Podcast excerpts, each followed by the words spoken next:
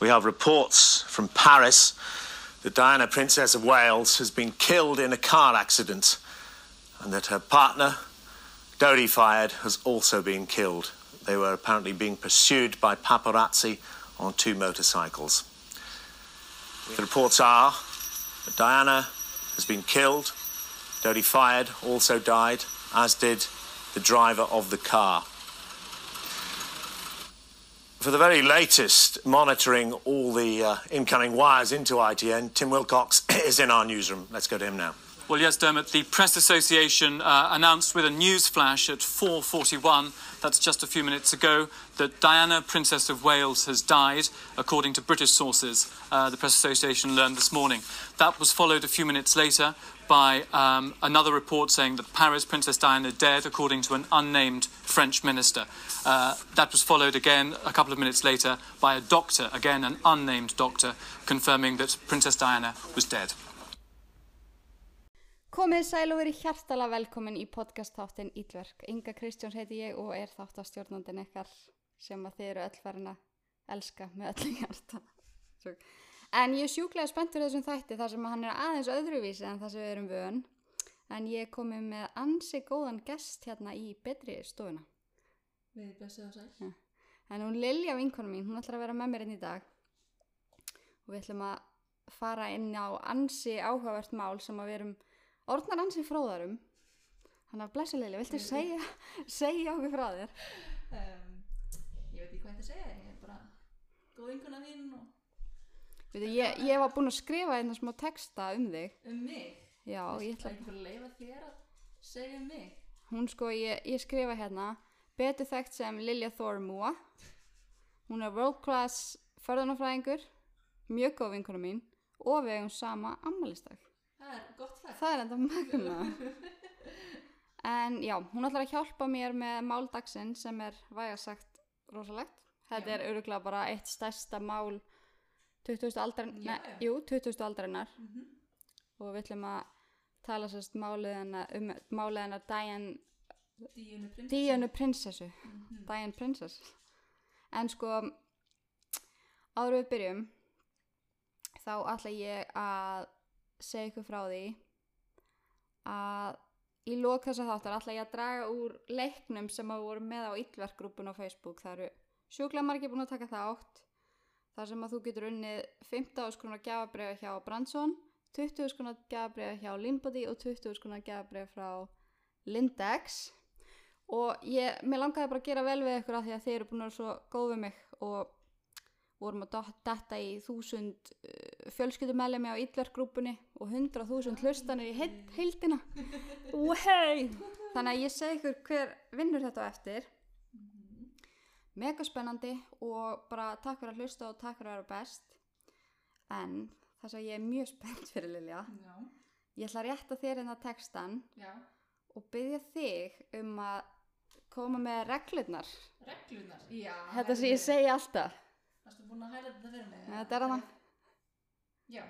Ítlverk er ekki við hefði barna. Ég kem til með að tala um morð, ofbeldi, kynfyrsofbeldi og fleiri ítlverk sem fólk hefur framið svo ef þú ert viðkominn fyrir þannig umræðefnum skattu slökka strax. Og ég hef bætt aðeins á textan út af kommentum sem ég fekk um daginn. Eða þannig að ynga ekki ég.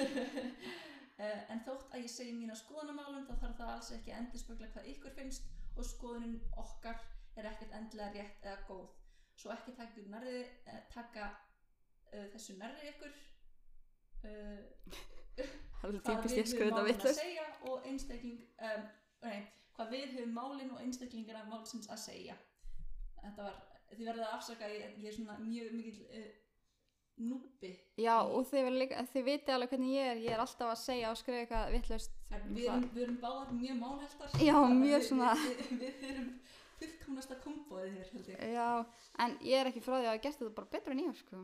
Nú, nú, En ég þurfti að bæta þessu við textan inn í endana því að ég fekk svolítið mikið að skilabóðum eftir einn ákveðin þátt. nú. Af því að ég var of mikið að segja hvað mér fannst. Ah, Og það er kannski ekki alltaf gott, en það, mér finnst það bara skemmtilegra. já, já, já. Þannig að þið bara vitið af því að ég mun alltaf koma til mig að gera það.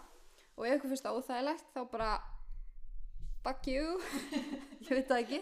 En ég skal alltaf reyna bara að vera hlutlaus nei, en, en málið, þú veist, podcast eru yfirleitt um, um þannig hvað, hvað þínar skoðanar eru mhm, þú veist, Þannig að- ég er að segja söguna Mhm. en ég er alltaf með skoðun á sögunni, það Mhm. kemur bara þegar þú ert að research eitthvað svona, Mhm. en sumum fannst þið svona freka gaggrinin, já, en það er bara flott, þú veist, en ég meina þú veist þótt að þessi þín skoðan að því það ekki að þurfa að vera eitthvað skoðan einmitt, þannig að þetta er farið inn í hérna regluteksta minn sem var einu sinni ein lína hann er núna orðin út af ein paragraf en já við ætlum að tala um hérna þetta mál mm og á ég ekki bara að byrja á því að segja eins frá hérna mm, þetta var sem mjög áhugavert að research þetta því að þú veist maður vissi ekki svona mikið um þetta maður vissi bara svona mjög ungar þegar þetta gerðist sko. já en maður er einhvern veginn alltaf að vita um þetta mál Mhm. og allir sem ég þekki og hefur nefnt þetta við erum bara, eitthvað, já, þetta er ógeðslega merkilegt og, og ég manns, ógeðslega eins og sýstu mínar þar muna allar ég man eftir sjúk- þessu sko Aha, ég var, pí, ég var sko, ég var þryggja hálsárs eða eitthvað, ég man eftir þessu þetta gerðist í alvörunni. en ég er enda með mjög gott minni um barnasku mína Oh þannig my að það er God. kannski aðeins öðru sig ég man ekki eftir þessu en ég man Mhm. ég lærði þetta í skóla og mér varst þetta, ég held ég að skrifa reitgerð um þetta eitthvað og maður vissi svona basic atriðin það var mjög áhugavert að læra meira um hana Mhm. og veist, þetta er svo ógeðslega dubjus þetta er, er þegar maður fer að skoða þetta betur Já, sko. gjörsamlega. en, en hún hérna kemur af mjög ríkum og svona valdamiklum ættum Mhm. hún er ekki bara Spencer-ættinni. já, Spencers Mhm.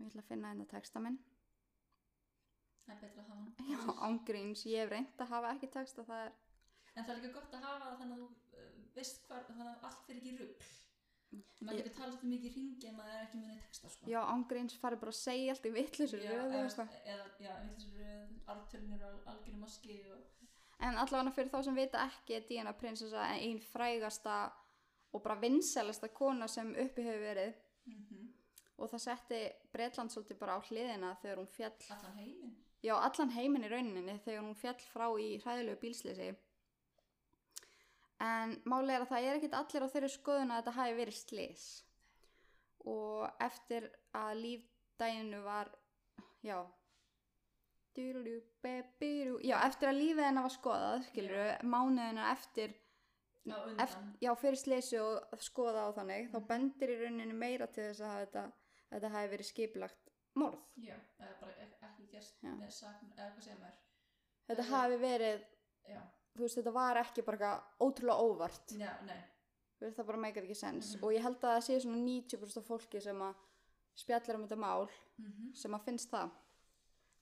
En við ætlum að fara eins yfir atbyrðarásina, skoðanir fólk, staðrendir og segja ykkur líka bara frá alls konar fróðleik sem að við vissum ekki eins og áður en við researchuðum þetta. mhm og já du, du, du, við ætlum kannski að fara yfir smá update á Chris Watts það fer eða svolítið eftir því hvað þetta verður langu þáttur annars ætlum ég að taka bara svona ekstra þátt en ég er búin að lofa, lofa sérst update á því veistu eitthvað um það? Chris Watts, Já. er það nú þegar maðurinn sem draf bönni sína konu já, uh, ég, ég hlustaði þáttinn áður að fara að sofa eftir mann fyrir það finnst ekki Veiku. góða að drauma ég, ég, er, ég, er, ég er svo crazy minded að ég, ég þarf að vera með eitthvað í hérna tólunu þegar ég fer að sofa hvernig er að sopna með röddina mína? mér finnst það mjög kosí sko. er hún seiðandi Hún er svo minded, ég fíla hana svo mikið. oh my god, en sko já, ég var búin að gera Chris Watts þátt 1 og 2 Mhm, ég gerði eitt og ángríns á svona sólarring já. kom svo mikið að mér fannst ég bara knúin til að gera hann þátt nummið tvö, ég gerði hann bara einu degi setna Já, eða eitthvað það, og svo núna er komið svo mikið nýtt að þetta gerist náttúrulega á þessari tækniöld þetta Já. gerist í fyrra, akkurat þannig að þetta er svo mikið þannig að ég þarf klárlega að gera part 3 sjáum til hvort við förum með hann á núna eða bara einasta Mhm. þannig að sjáum bara til og eh, Kemur síðan, allt í ljós. já það kemur allt í ljósnafla á endanum og svo draugum við út eftir, ég ætla að lega þér að draga út Það er dragið, mm það fyrir svo spesial ég ætla að brjóta hjörtin í öllum hinum sem að vinna þetta Þannig að þetta er mjög í stæðan fyrir því Mhm. En já, þú ert búin að fara við reglunar, við erum all set Yes, og þá ætla ég bara að segja ykkur það að Diana var dóttir Edward John Spencer og Frances Ruth Burke, Roche, hvað sagðirðu? Roche, Ro- Roche. Æ, þið. Hvað, hver er staðan? ég held að fólk sé algjörlega hægt að, þú veist, Pæla í- búast við því já. að ég beri hluti fram rétt, sko. Það er alltaf leið. Já. Íslensk, við erum öll íslensk En þetta voru sem sagt, þau voru greifi og greifinja Mhm. af Althorp Alþór greif, inn, eh, greifi og greifin, já. ó, Já, já, og sem sagt, Já. já, já, já, já. Eh, og þ- það er sem sagt þetta er bara svona höll í rauninni, mhm. Í- Svakaleg kastaleg, sko. það er bæði hægt að skoða hann. Mhm. ég var komst það en daginn, Hefur þessi myndir af þessu? Já. Þetta er svakalegt, sko. þetta er geggjað Mhm. þetta er alast bara eitthvað upp þarna Já. um, já og þetta, þetta þessi höll er í eigu spensirættarinnar sem er mjög merkileg ætt í Breitlandi og þetta fólk flokkast allt undir British Royalty Já. þannig að Diana kemur alls ekki af einhverjum, Lélugum vettum. nei alls ekki Ekki eins og þessi, ég ætla aðeins að færa, færa mikrofónuna aðeins, ég verði aðeins að já heyrðu, við erum komin inn á æðislegt setup Múndi, já, já. aðstoða aðeins en það við þetta. já ángrís, ég veit ég, ég væri svo mikið út í skurði ef ég ætti ekki Lilju að það sem hún er alls konar að retta mér í kemur lífið Ég er svona, ég er svona teknimannskinni í, fjöl- í, í, í vinofniðinu. ángríns en já, hún á tvær eldri systur Lady Sarah og Lady Jane og svo yngri bróður sem heitir Charles Spencer by the way, ég var bara eitthvað hmm, Charles Spencer, ég vissi ekki að hann ætti sískinni fór eitthvað að googlaði, Já. heyrðu hann er bara mjög myndalur Hann? já, nei, sonur hans, Charles Spencer Spencer Sér Charles Spencer hann er svona allavega típiskur svona gamall breskur kall já, ma- bróður hennar er ekkit spes Mm. en sonur hans, hann er bara guðdónlegu maður og hann er bara að hafa það fínt þarna í Spencer villunni já, já, höllinni. En Diana fættist þann 1. júli 1961 og hvað var náttúrulega gömul þegar fóldrar hann skildu 7 ára? já, Þú sagði það hann, já. Um, já og þetta, þetta fór fram svona í freka miklum ítlendum þar sem að þú, veist, þú tapaðir bara svolítið öllum rétt. já, sem sagt e, í ekki í gamla dag en bara á þessum tíma og líka bara fyrir þann tíma þá var þannig eða þú varst í svona í konungsfjölskyldu og varst svona royal basically og eða þú skildir þá máttur, ek- að má- máttur ekki lengur vera í the royal court Mm. þannig að ef þú skildir þá ertu afsalaðar öllum réttindum til að, að mæta í sem sagt, Royal Court Mhm. og vera með í öllum sem svona skemmtilegheitum og höllum og öllu því Þannig að þetta fokkaði alveg illa upp fjölskyldunni Mhm. en pappin fekk forræði yfir börnunum með hjálp tengdamömmu sinnar já, sem sagt, mömmu mömmu daginu Já, nei, Já. mömmu, mömmu daginu. já, Já, hún hjálpa honum. Þannig að allir krakkarnir urðu eftir hjá pappa sínum í þessari, í Villu. þessari villu eða tö- höll. Og henni er líst sem ótrúlega lokuðu og feimnu barni. En hafði ótrúlega mikið áhuga á dans og tónlist og hún læriði svo fög í West, West Heath High School. hýð Nei, West High School og Riddlesworth Hall School og árið 1971 varð hún svo Lady Diana þegar afi hennar lést og pappi hennar varð Earl Spencer um, sem er svona yfirtitill fjölskyld, fjölskyldunar. Ég held að sko hann héti Earl en, það er nafn, en Earl er eitthvað svona, eh, fínt orð yfir eitthvað svona greifa eða já, whatever. breska konungsfjölskyldan en náttúrulega bara með sér orðabók já, þú veist, það, þú veist, það er þau eru dúk og örl og, og Spencer og þetta, ég held alltaf að þetta væri bara eitthvað nöfn já, nei, nei, en þetta nei. eru bara heiti Mhm. á alls konar eitthvað svona titlum Þetta er eins og, þetta er eins og, hérna, Kate Middleton og alltaf þau eru ekki minn, þess að, uh, þegar þau giftast inn í fjölskylduna þá Mhm. basically missar eftirnafni sín. En þú veist, hún er alltaf kölluð Kate Middleton, þetta þegar þú veist, hún er bara þekkt sem það. já, En hún er bara, hún er bara kölluð núna Catherine, eitthvað, Duchess of Cambridge eða whatever. já, Hún er ekki lengur með eftirnafni sitt, eða, Einmitt. fattar þau. Og, og, og prins Harry og prins William, þeir eru ekki minn eftirnafn.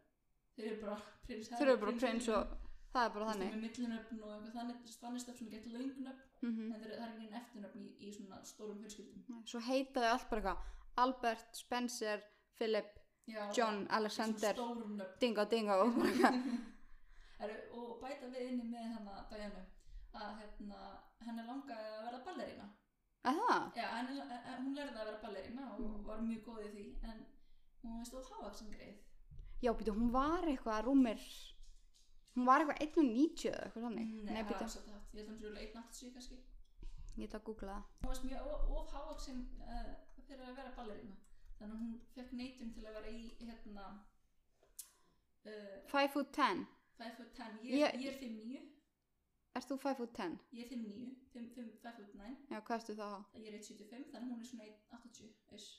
Það er alveg hávaksan Það- kona það er bara svona En ég skrítið. held þú getur alveg verið ballerina Nei, ekki að svona hafa sem. Ekki? Þú þarf að lítur og lett. Nú, Mm húslas Herru, þá vitið þið það, þið voru að spája alveg ballerinur En núna í dag er þetta alltaf verið að segja því, sko, en alltaf þá var þetta svolítið þannig að allir þurftu að vera í sömu stærðinni.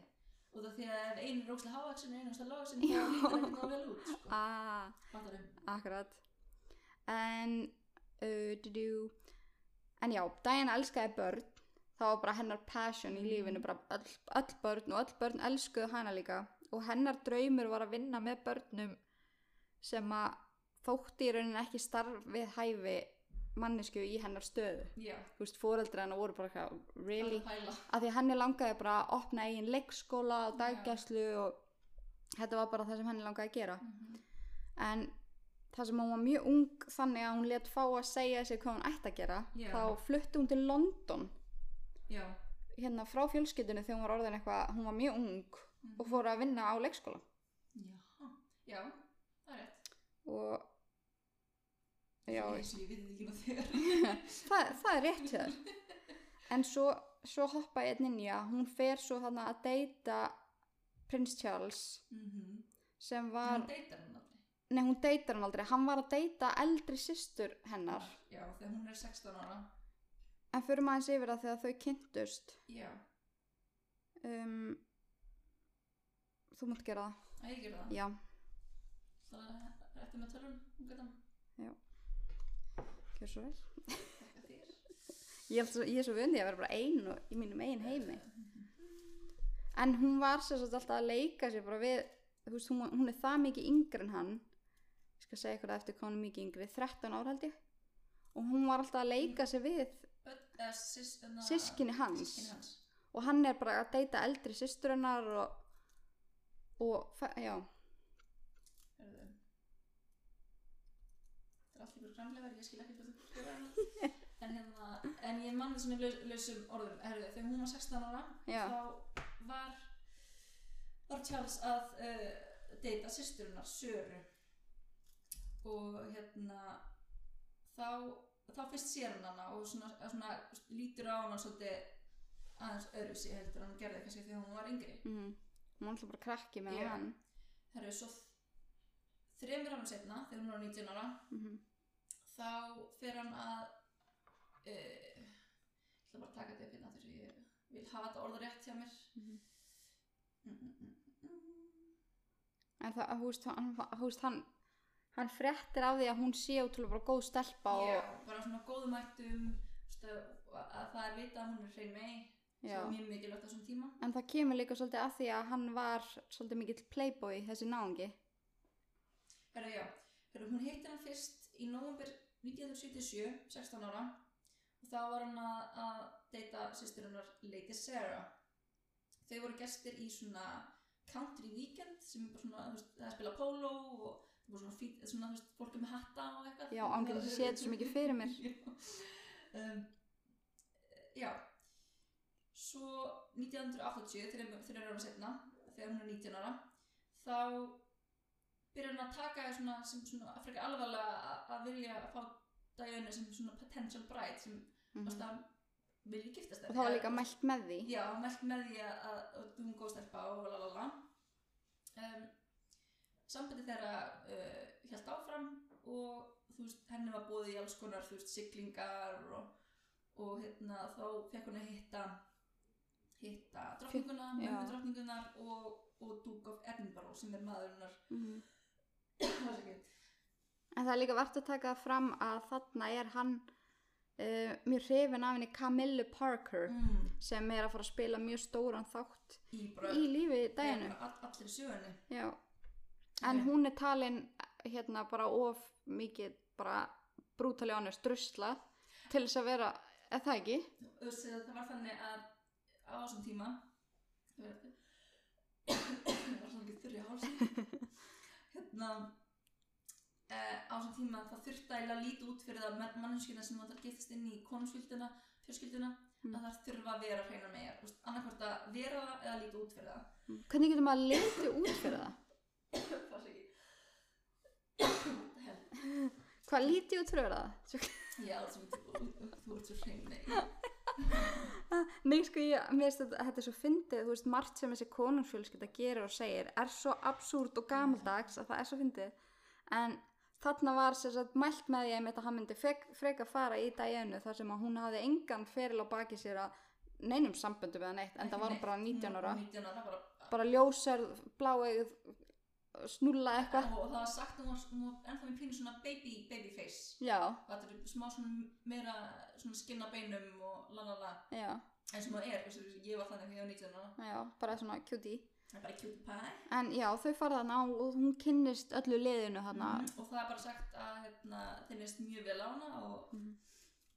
og þetta Bara- var forced þetta Ég- var þetta- þetta var- semi-forced Þetta var, þetta var arranged Þú veist, Diana vild, vildi þetta alveg Þú veist, ég, ok, kannski betta henni líka Mm. að frá unga, unga aldri þá langaði Diana að vera prinsessa Þú veist, hún las óslega mikið af bókum frænkan hennar var eitthvað svona fyrir til þetta reythöfundur Já. Þú veist, las óslega mikið af því fáðu Pepsi Já, ég, hvað er í gangi? bara Það var bara með ég opna pepsi láttu eins og heimaður fáðu Pepsi ég er ofta að geta eitthvað enn í mæknum Já, ég veit, þetta er hérna hennar ángriðs, ég er líka oft með tygg og bara hvað en, en hérna já kost, býtu, kost það Herra, já Hérna, Diana var með svona, svona fyrir til já, þú veist, Ímyndun. já og að líka verða prinsessa Já, en hún, hún sá samt fyrir sér að hún myndi vera prinsessa í kastala með fullt af börnum og Ógeðslega loving hamingjusöm, husband og fara í ferðalög mm. veist, það var bara það sem henni, hún dreymdi hún henni langaði bara að vera mamma og eiginkona og hún segir það í öllum viðtölum bara, það er það mikilvægasta það er bara draumur minn, þú veist, henni langaði aldrei þú veist, rí, þú veist, að vera rík og, og fræg þú veist, það var ekki, það var ekki Það var málið ekki í myndinu, sko. Nei, en það var hún ótrúlega eðlileg og helstift manneskja, það er bara þannig Mhm. þannig að ok, hún fer inn í þetta hana hún Já. segir já, Já, nei, þetta er svo að hann, hann, hann hérna, byrður hennar Já. 7. februar og hún, hún játar því. ú, eigum við að segja frá hringnum Já, her, við hérna vorum að fara yfir að hvernig hringurinn hennar var sem að Kate er með núna Mm -hmm. Segðu eitthvað frá hann. mm Mhm. uh, Ég held ég mér að lauslega eftir þessu. Ég Það held var er- 14 demantar, demantar umkringdir bláum safír, svona óval safír, uh, heils eftir kvítagöllu, já hérna, það ekki? jú, 14 demundar sem umgringdu 12 karata oval blue Ceylon Sapphire Mhm. sem er settur í 18 karata hvítagull og það fun fact sem þú sagði mér að þú veist flestir láta að búa til hring fyrir sig Sess með hring. sér smíða bara eftir einhverjum hönnuðum en hún valdi hringi sinn upp úr bara einhverjum katalog Já. sem er Sem var- ógisla Sem var bara unheard of. já en það er líka svo ógisla típist hún þetta Já. er bara, Alveg, já. En út, hann valdi hennar hring af því að það myndi svo mikið á hérna, trúlunarhring mömmu sinns. já og í dag er Kate Middleton með þennan hring og hvað kostaði hann aftur? hann kostaði, já við googluðum það líka hann var eitthvað fárladýr Nei, hann var hérna... var það ekki 10 miljón dólarar? Nei, nei, það... Uh, þetta er bara, við þurfum að vita þetta já, herðu, ég var að se segja þetta allt við það og skrifa þetta ekkert niður. ég held það sko, Hvað er já þetta? bara, mhm, mhm Herðu, þú hérna talar áfram og ég finn þetta. og þarna þegar þau voru trúlofið þá var hún bara einmitt að vinna sem leikskólakennari og du, du, du, og hún var fyrsta breska konan í 300 ár sem giftist þú orðaðir þetta við með á hann first in line king Já, en Þú veist, first, first, in, first in line, sem sagt, um, hann er fyrstur að fá krúnuna eftir eitthvað deyr, skilur við. e- Ef að drottningi myndi deyja, Já. þá myndi hann vera konungu næst, já, já, já, af því hann er fyrsta barn hennar. já, Mm einmitt Já Það var alltaf þannig að þú veist, það var gift úr einhverjum öðrum löndum og þetta var fyrst, fyrsta sem sagt, enska konan sem sagt, frá Englandi í 300 ár sem giftist firstborn já og brúðkaupið þeirra svo mm. hún var 20 ára hann var 13 árum eldri þannig að hann var 30 33 33 og það, var, það fór fram 29. júli 1981 í St. Paul's Cathedral Cathedral já, einmitt og og hérna brúðkaupinu var líkt við bara ævintýri og fólk horfið á þetta um allan heim þið kannski uppliðið þetta svolítið þegar hún ke- hérna hvað heitir hún? hérna, Kate Middleton, nei hann sem var giftið svo einn um daginn, Megan Meghan Markle, og Harry Harry Prins, já.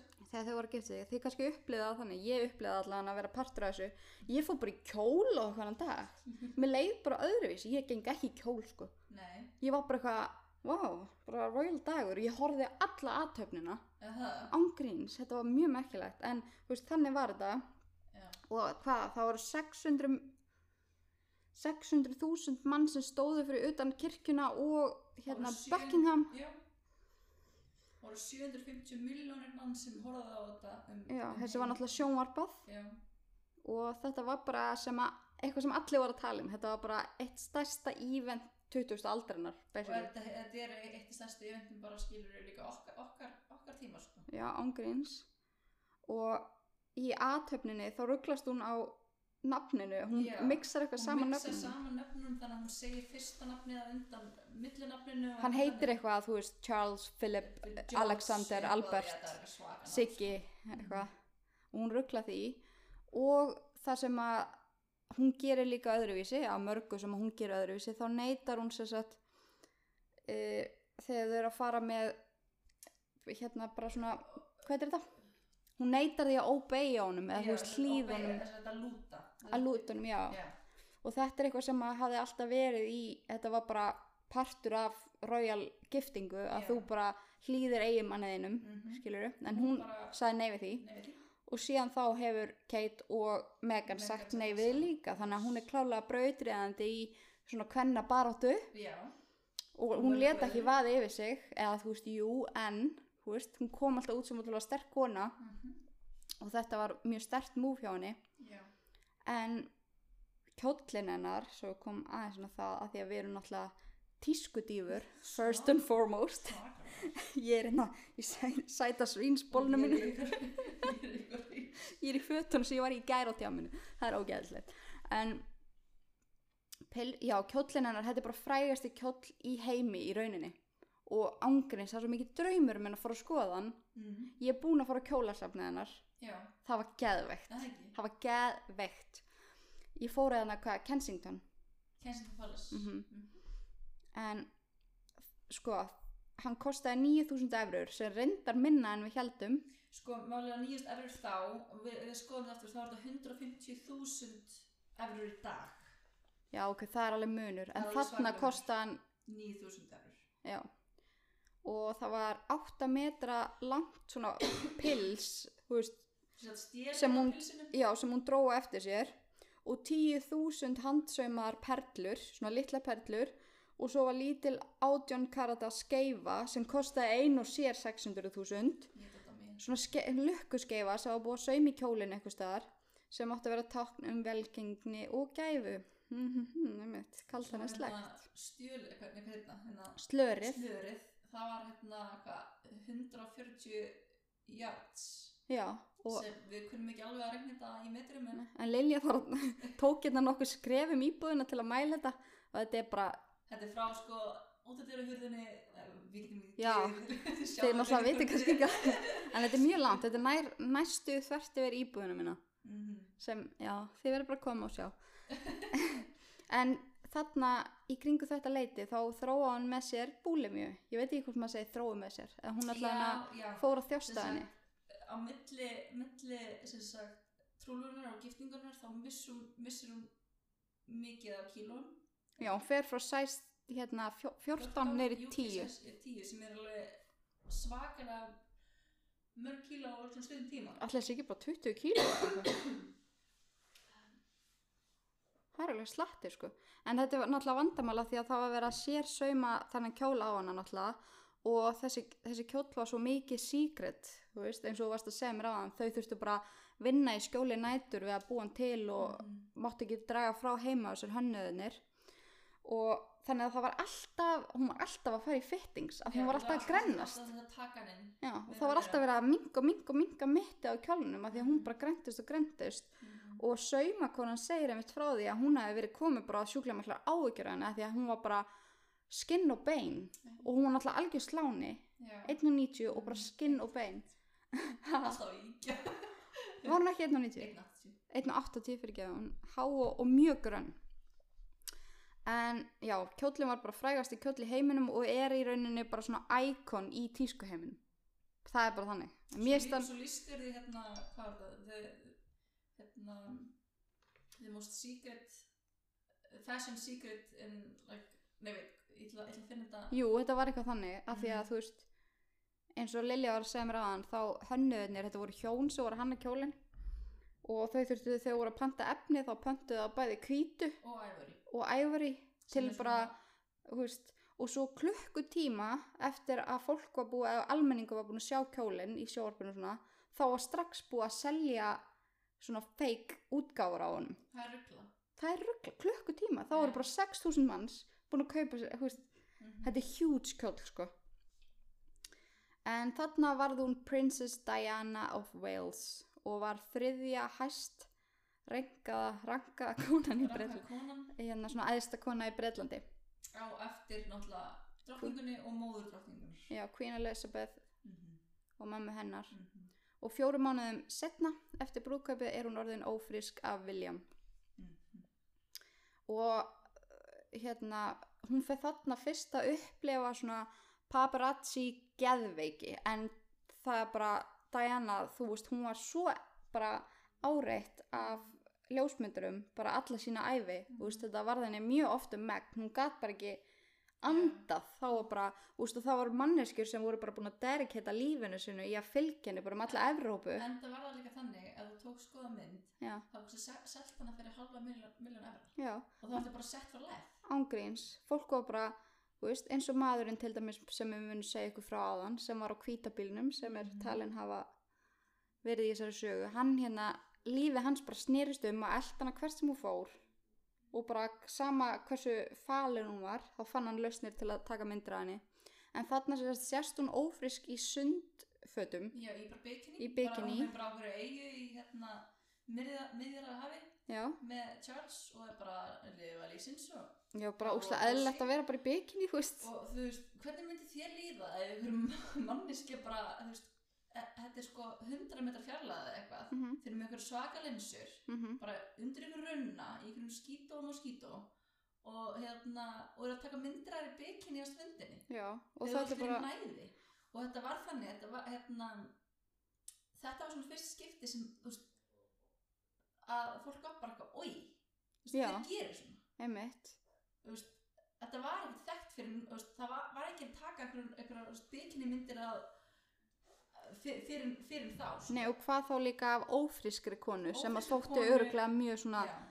exposing já, en þarna voru þau bara í fríi sem fjölskylda þú veist Já. það var ekki eins og hún var að gera eitthvað að sér en en fyrirsagnin Bahama Mama já, það ekki, var það Já. ekki um allt svona eins og hún hefði verið bara asking for it já eða eitthvað við höfum voru í bikini og, og var á stöndinni skilur, Já. og nota lífsins og Elisabeth hérna drottning, hún segir að það hefði verið svartasti dagur í sögu British journalism mm. en akkur er samt út af því að þetta, þetta var svo ógeðslega intrusive já, þetta þetta var svo ógeðslega, þetta var svo mikið hver, þú veist, þú ert ekki að fara að taka myndir af, þú veist, óleitri hérna nágrannkonniðinni, næ, fattar þau næ þú veist en bara þegar fólk vildi þetta eða, þú veist, Já. einhvern veginn, og, og það seldist svo vel að mm það var þetta miklu meira þú veist, þannig að þú veist, þið voru að leitast eftir meira og meiri skandal til að taka myndir af einmitt þetta er svo fárlegt sko þarna byrjaði svona boltin að rúla með þetta þú veist, þið voru alltaf að leita að einhver slæmu til Já. að taka myndir af ekki að þú veist, þið voru eitthvað góð og svona Mhm. við við gerðum það líka já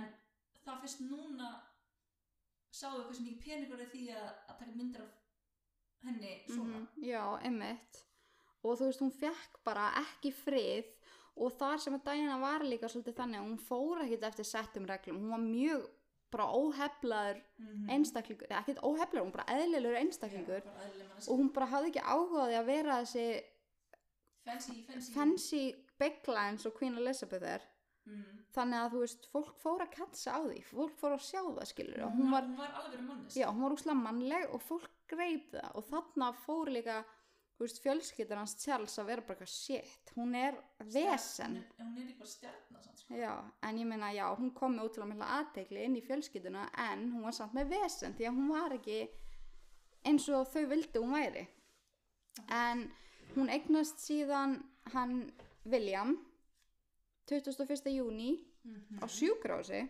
já, um, en það var náttúrulega hefð að eiga börnin alltaf í höllinni og öll börn hafa alltaf fæðst í höllinni, ég veit ekki öll með konungsbörnin, já, já, það er rétt þetta þetta er fyrst skipti sem að að- að- að- já það ekki jú, jú, fyrst skipti og já, hún gerir það bara, henni langaði það bara frekar og, og svo tveim ára setna eða 1984 þá eignast hún Harry og gaman, eh, gaman að segja frá því mér finnst þetta Leiðinlegt að segja frá fyndið að segja frá því bara að Harry sérst er rauðhörður og að vera rauðhörður er eitthvað sem Charles fannst ekki töff og hann það kalla fannst Eh, ekki heillandi ef Já. við stóttum til að þú veist um, á þessum tímpunkti þá voru ekki mikið að rauðhörðum í, í konungsfjölskyldinni Nei, hvað kallaði hann þetta aftur?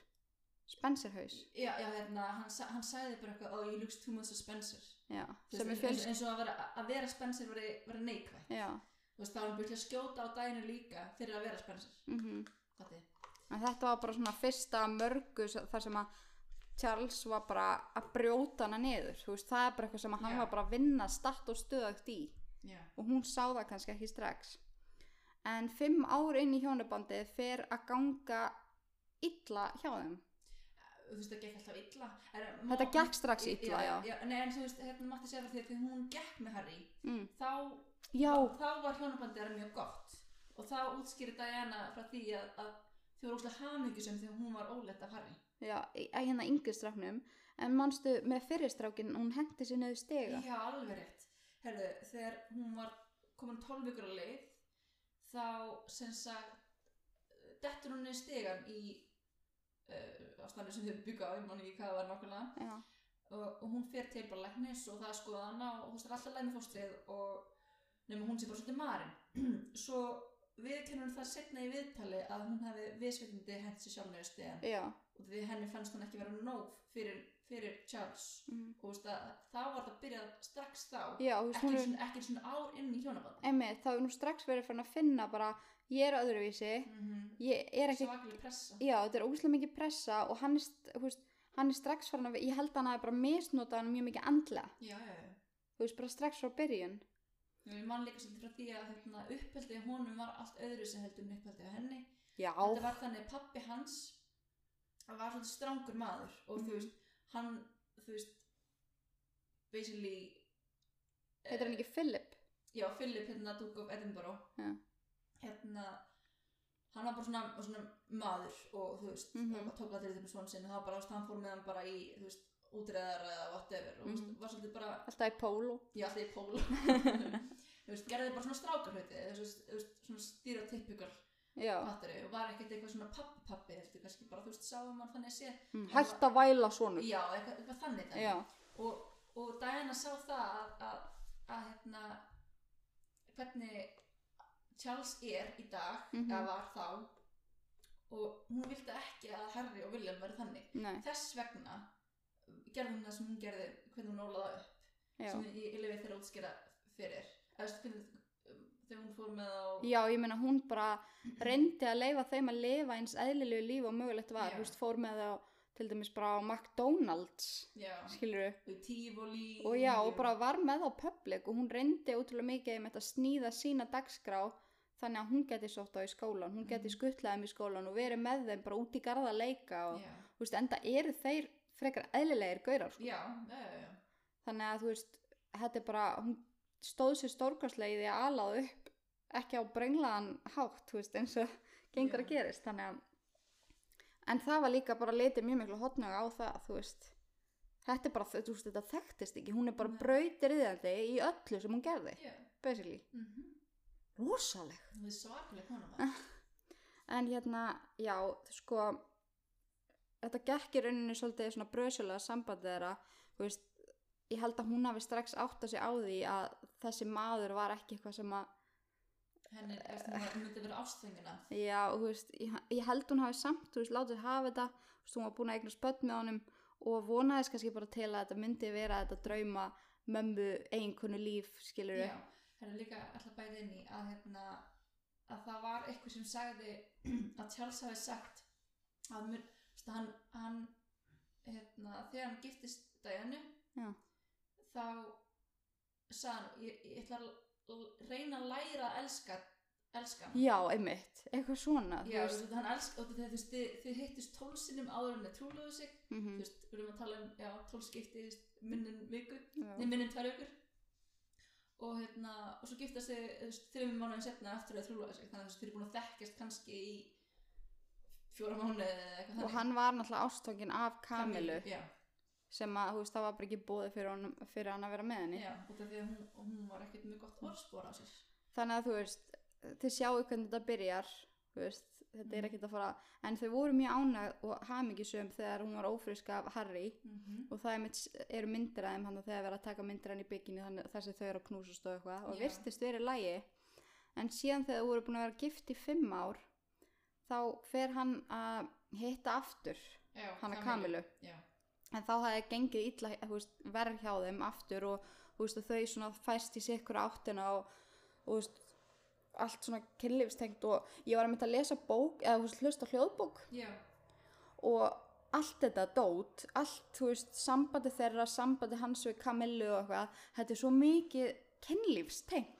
ég held að hann sem bara brengla Já, þú veist, það kemur náttúrulega fram að hann sé svona playboy. hann er playboy, hann, var alg- hann, hann, hann var með mörgum konum og Já, á undan, undan daginu hann var alltaf mikið, hann var alveg 13 árum eldri 13 árum eldri og hérna, hann deytaði svakalega mikið þegar hann var yngri og þú veist þegar hann fór til annar landa, hann, hann, veist, hann var bara skilur, bara playboy bara, mhm, þú veist, hann bara svaf hjá það sem, sem honum vildi og, og svo þegar hann var búið með það, það var bara check to the side og bara Já. á næstu ángríns.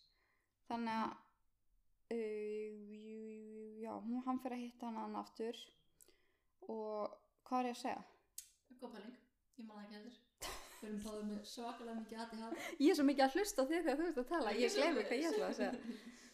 En, en hérna, Já, eftir, eftir hún á Harry og vor- vorum að tala um hérna að, hérna, að Spencer, þú veist, hann svona skaut sér mikið á Spencers fjölskyldurinn þegar, að- þegar hann var rauðhæður, já. þegar Harry var rauðhæður. og það komi sögursagnir um að þú veist, Charles væri ekki pappinn og eitthvað Já, þannig já, hérna, út af því að, hérna, þegar, já, þegar, hérna, Charles byrjaði að ferið með henni Kamilu aftur, þá byrjaði sett, stuttu setna, eða nokkurum mánum setna, þá byrjaði Diana í, í svona, ekki ástasambandi, heldur emotional, hérna, já, henni, þú veist Sambandi bara með- já. hvað heit hann, Henry, Henry, ég man, hann heit Henry eitthvað. James Hewitt James Hewitt, alveg rétt og þar það voru su- svona orðrómar um það að- að Hewitt væri pappi Harry nema að það, það voru bara orðrómar út af því að þú veist eh, sambandi þeirra dæjunu var ekki henni byrja þegar, Harry Nei, var, það er þegar hún var betur. óleita Harry ég man hvað ég var að segja, Mm. ég var að lesa bókina Já, alveg rétt hlusta á bókina og það er, bara, það er tala svo mikið um kynlífi í þessari bók Já, alveg rétt að ég bara hef aldrei heyrt hana eins og þú veist, það er verið að taka kvóta mjög mikið þú veist, af hlutum sem hann hefur verið að segja í viðtalum og þannig mm -hmm.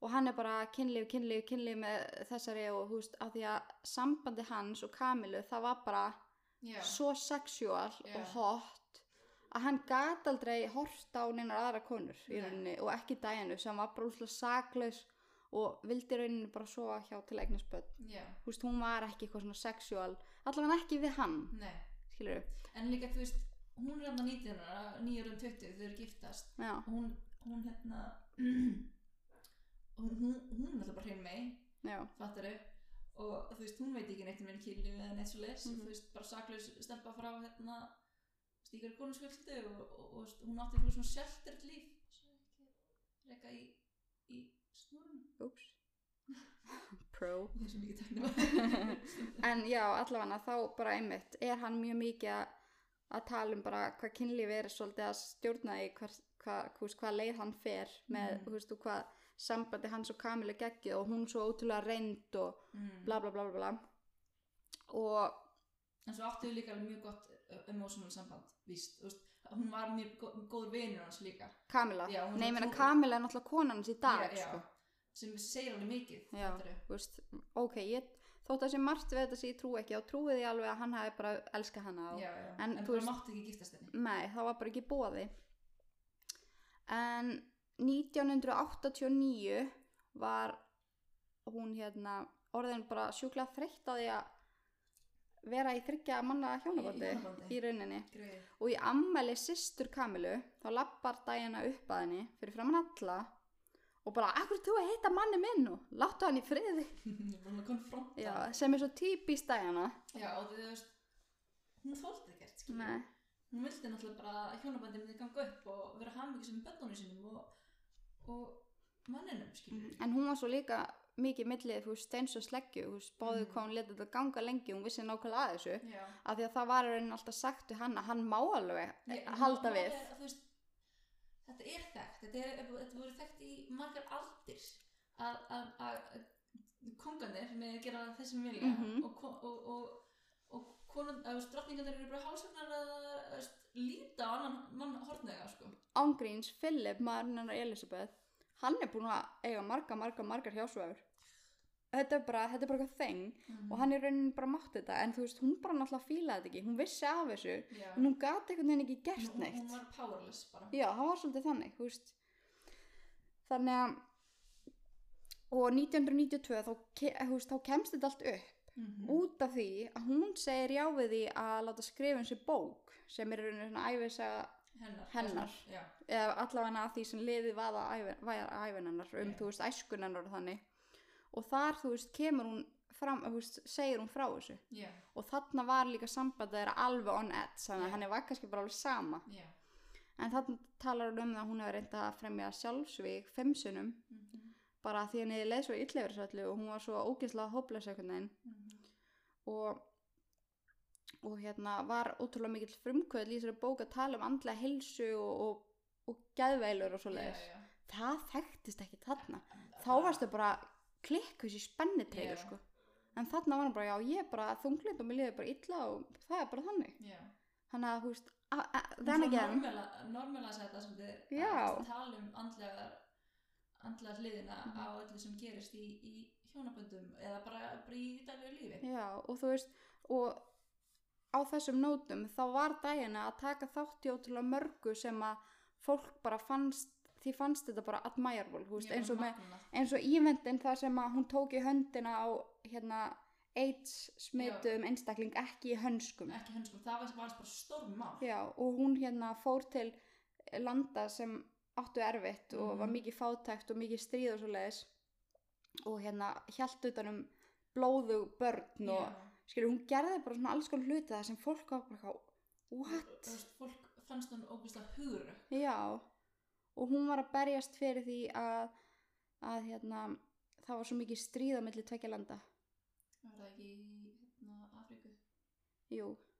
Og hún var, manst, veistu hver er að tala um? ég er að tala um hérna þegar hún sagði ban landmines Já, já, einmitt, nákvæmlega. Hún var að berjast fyrir því, og, og fekk það í gegn hún fekk það í gegn, Mm. en ég held sko, svo ég, ég ætla ekki að fara of mikið út í það því að það kemur setna fram, en ég held að það hafi líka mjög spila, mikið spilað inn í það sem hafi gerst. Já.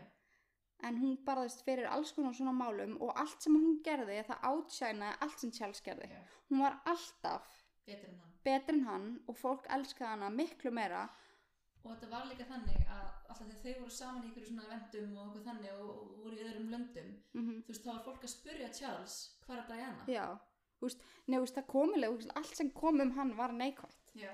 af því að þú veist, fólk var bara eitthvað, "Ah, þetta er þessi bara ljótur og ekkert merkilegu náðingi sem hann var Mm -hmm. en hún var bara, hún var alltaf sögð vera bara svona queen of the people Hún elskaði fólkið. Hún elskaði fólki. elskaði fólki, hún elskaði börn og hún bara gerði allt sem hún gat til að breyta hlutum á Já. meðan Og hérna, það var sagt þegar hún svona lappaði henni herbyggi, mm þá fann hún alltaf á sér hver átti, þú veist, minnst, skilur ég, hverjum Minnst á um leið verst. Nei, nei, hverjum leið verst. Og hún Já. fór allt fyrst til hans. Já. Þannig að hún fann, og hún var með eitthvað svona six sense Mm að hún vildi að- vildi að hugga manneskina sem átti mest bátt, Já. basically. ángrís og það, þú veist, hún segir svo oft í viðtölum og svo leiðis að það, þetta, er bara, þetta er bara það sem gaf henni tilgang í lífinu Mm á meðan, þú veist, hinnir í fjölskyldunni, Royal Family, eru bara svo snobbaðir, þeir myndi aldrei taka í höndina á okkur um ekki í hönskum. Já, þetta var líka, þú veist, það var alltaf gert svona einna, eins og þegar drottningin var að labba með þeim almúðunum Já, þá, þú veist, held hún, þú veist, hendunum bara þú veist, hérna, saman skilur bara upp, upp á sér já, og var svolítið bara svona, óps, það er bara hæ, skilur og veifaði bara til fólks Já. og meðan Diana lappaði bara upp almúlum og tók í hendi Já, og knúsaði faðmaði börn og- og kisti börn og, mhm. Og- beigði sér niður til barnana Já, og þú veist talaði við þau og, Mhm.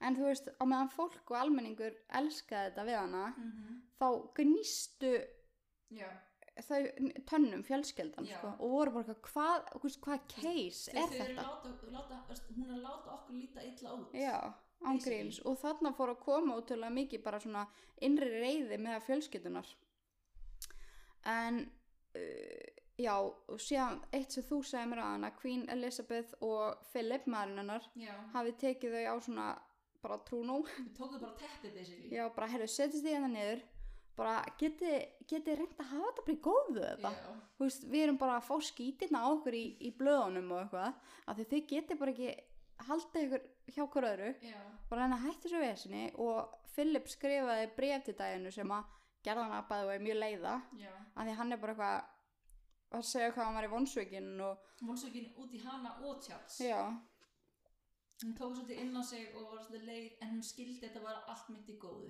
mhm og hún tók þetta inn á sig og þau rendu held ég Mm -hmm. Þeir reyndu. að því að og svo 92 og 93 eða 1992 og 3 þá fór að leka hann að símtölin Uh, 92 þá hérna er svona official separation, kemur það, uh, kemur 92 var það ekki? jú, jú, jú, Og þú veist þá sem sagt um, uh, segir præmministerinn í Byrlandi að, að þau ætla bara að fara bara að separata en mm. það er ekki skilin. mhm En og eftir, eftir því þá koma þessi, þessi, þessi, þessa teipur.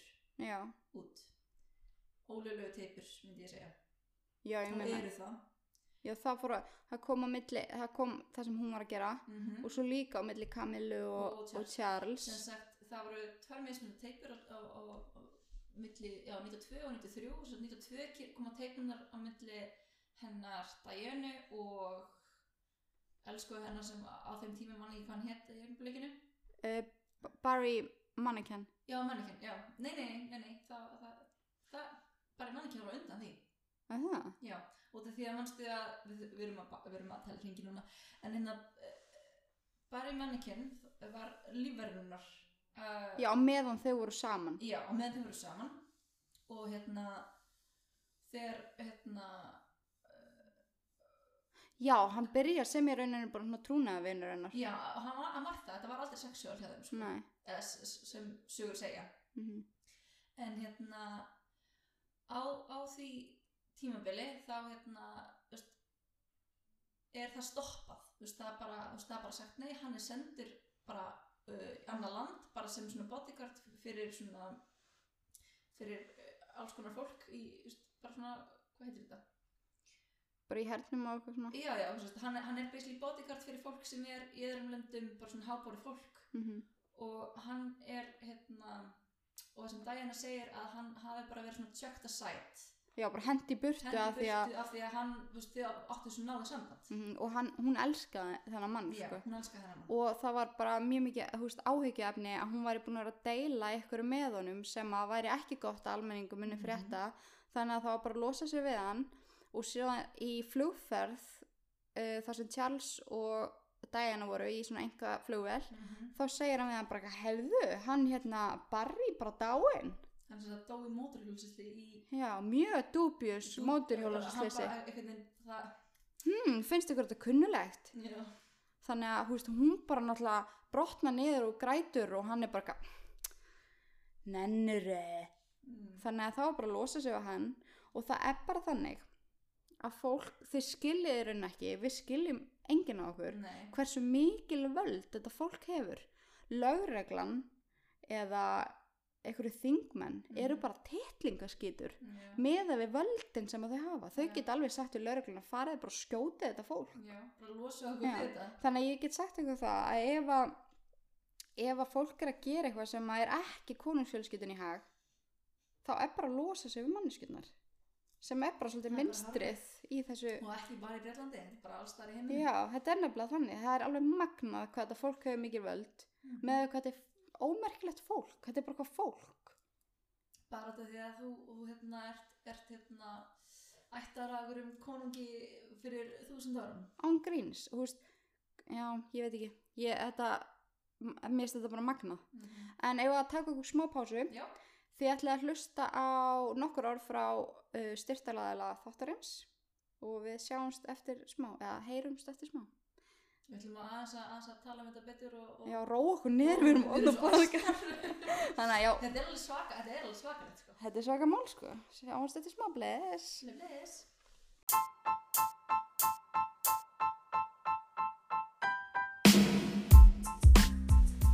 Eru æfingaföti þín orðin upplituð og gödótt? Ertu ekki að meika hvað æfingabuxuna þín að rúla alltaf neður þegar þú ert á æfingu? Eða ertu jafnvel í 15 ára gamlum kvennalöpsból frá mömmuðinni? Mm, þetta eru vandamál sem má kippa í lið 1, 2 og bingo. Farðu inn á brandsson.is, skoða úrvalið að bæði herra og dömu æfingaklæðnaði. Hlustendur Íllverk fá 15% afslátt á öllu inn á brandsum.is. Noti kóðan Íllverk við checkout og fái 15% afslátt. Ég E endur tek ILLVAFERK E við checkout fyrir 15% afslátt. brandsson.is Velkomin tilbaka eftir uh, uh, orð frá styrtaræðila þáttarinn sem að gerir þetta allt mögulegt en áður en við byrjum að muldra og tala mjög mikið þá ætlum við að lega ykkur að heyra viðtal sem að blaðamærin Martir, Martin Basir tekur uh, við daginu í við wow, fyrir BBC í november 95 og hlustið vel á þetta við, hérna, viðtal því að þetta er svolítið það sem að eh, te- hvað- svona tipping point þetta er bara Já, svona, þetta er það sem breytir öllu sem að er að fara að gerast eftir Mhm. þetta, þannig að hlustum á það What was the the family's reaction to your postnatal depression? Well, maybe I was the first person ever to be in this family who ever had a depression or was ever openly tearful. And obviously, that was daunting because if you've never seen it before, how do you support it? What effect did the depression have on your marriage? Well, it gave everybody a wonderful new label. It's Diana's unstable and Diana's um, mentally imbalanced. And unfortunately, that seems to have stuck on and off over the years. Are you saying that that label stuck within your marriage? I think people used it and it stuck. Yes. Around 1986, again according to the biography written by Jonathan Dimbleby about your husband, he says that your husband renewed his relationship with Mrs. Camilla Parker Bowles. Were you aware of that? Yes, I was. But I wasn't in a position to do anything about it. What evidence did you have that their relationship was continuing even though you were married? A, a woman's instinct is a very good one. Is that all? Well, I had, I obviously, I had knowledge of it. From staff? Well, from people who minded and cared about our marriage. Yes, What effect did that have on you? pretty devastating. Rampant bulimia, if you can have rampant bulimia, and just a feeling of being no good at anything and being useless and hopeless and failed in every direction. Wow. And with a husband who was having a relationship with somebody else? was a husband who loved someone else, yes. You really thought that? I didn't think that, I knew it. Do you think Mrs. Parker Bowles was a factor in the breakdown of your marriage? Well, there were three of us in this marriage, so it was a bit crowded. I did a lot of work, what I call underground, without any media attention, so I never really stopped doing it. I just didn't do every day out and about, I just couldn't do it. The campaign was, in that point, was being successful. But it did surprise the, the people who were causing the grief. It did surprise them when I took myself out of the game. They hadn't expected that. And I'm a great believer that you should always confuse the enemy. Who was the enemy? Well, the enemy was my husband's department because I always got more publicity. Um, my work was m- more, was discussed much more than him, and you know, from that point of view, I understand it. But I was doing good things, and I wanted to do good things. I was never going to hurt anyone. I was never going to let anyone down. But you really believe that it was out of jealousy that they wanted to undermine you? I think it was out of fear, because here was a strong woman doing her bit, and where was she getting her strength from to continue? There was always conflict on that subject, and I understood that conflict because it's a very demanding role being Prince of Wales, but it's equally a more demanding role being King. And being Prince of Wales produces more freedom now, and being King would be a little bit more suffocating. And because I know the character, I would think that the top job, as I call it, would bring enormous limitations to him. And I don't know whether he could adapt to that. Do you think you'll ever be queen? No, I don't. No. Why do you think that? I'd like to be a queen of people's hearts, in people's hearts. But I don't see myself being queen of this country. I don't think many people would want me to be queen. Actually, when I say many people, I mean the establishment that I'm married into, because they've decided that I'm a non starter. Why do you think they've decided that? Because I do things differently, because I don't go by a rule book, because I lead from the heart, not the head. And albeit that's got me into trouble in my work, I understand that. But someone's got to go out there and love people and show it. And do you think that because of the way you behave, that's precluded you effectively from becoming queen? Well, not precluded me, I wouldn't say that.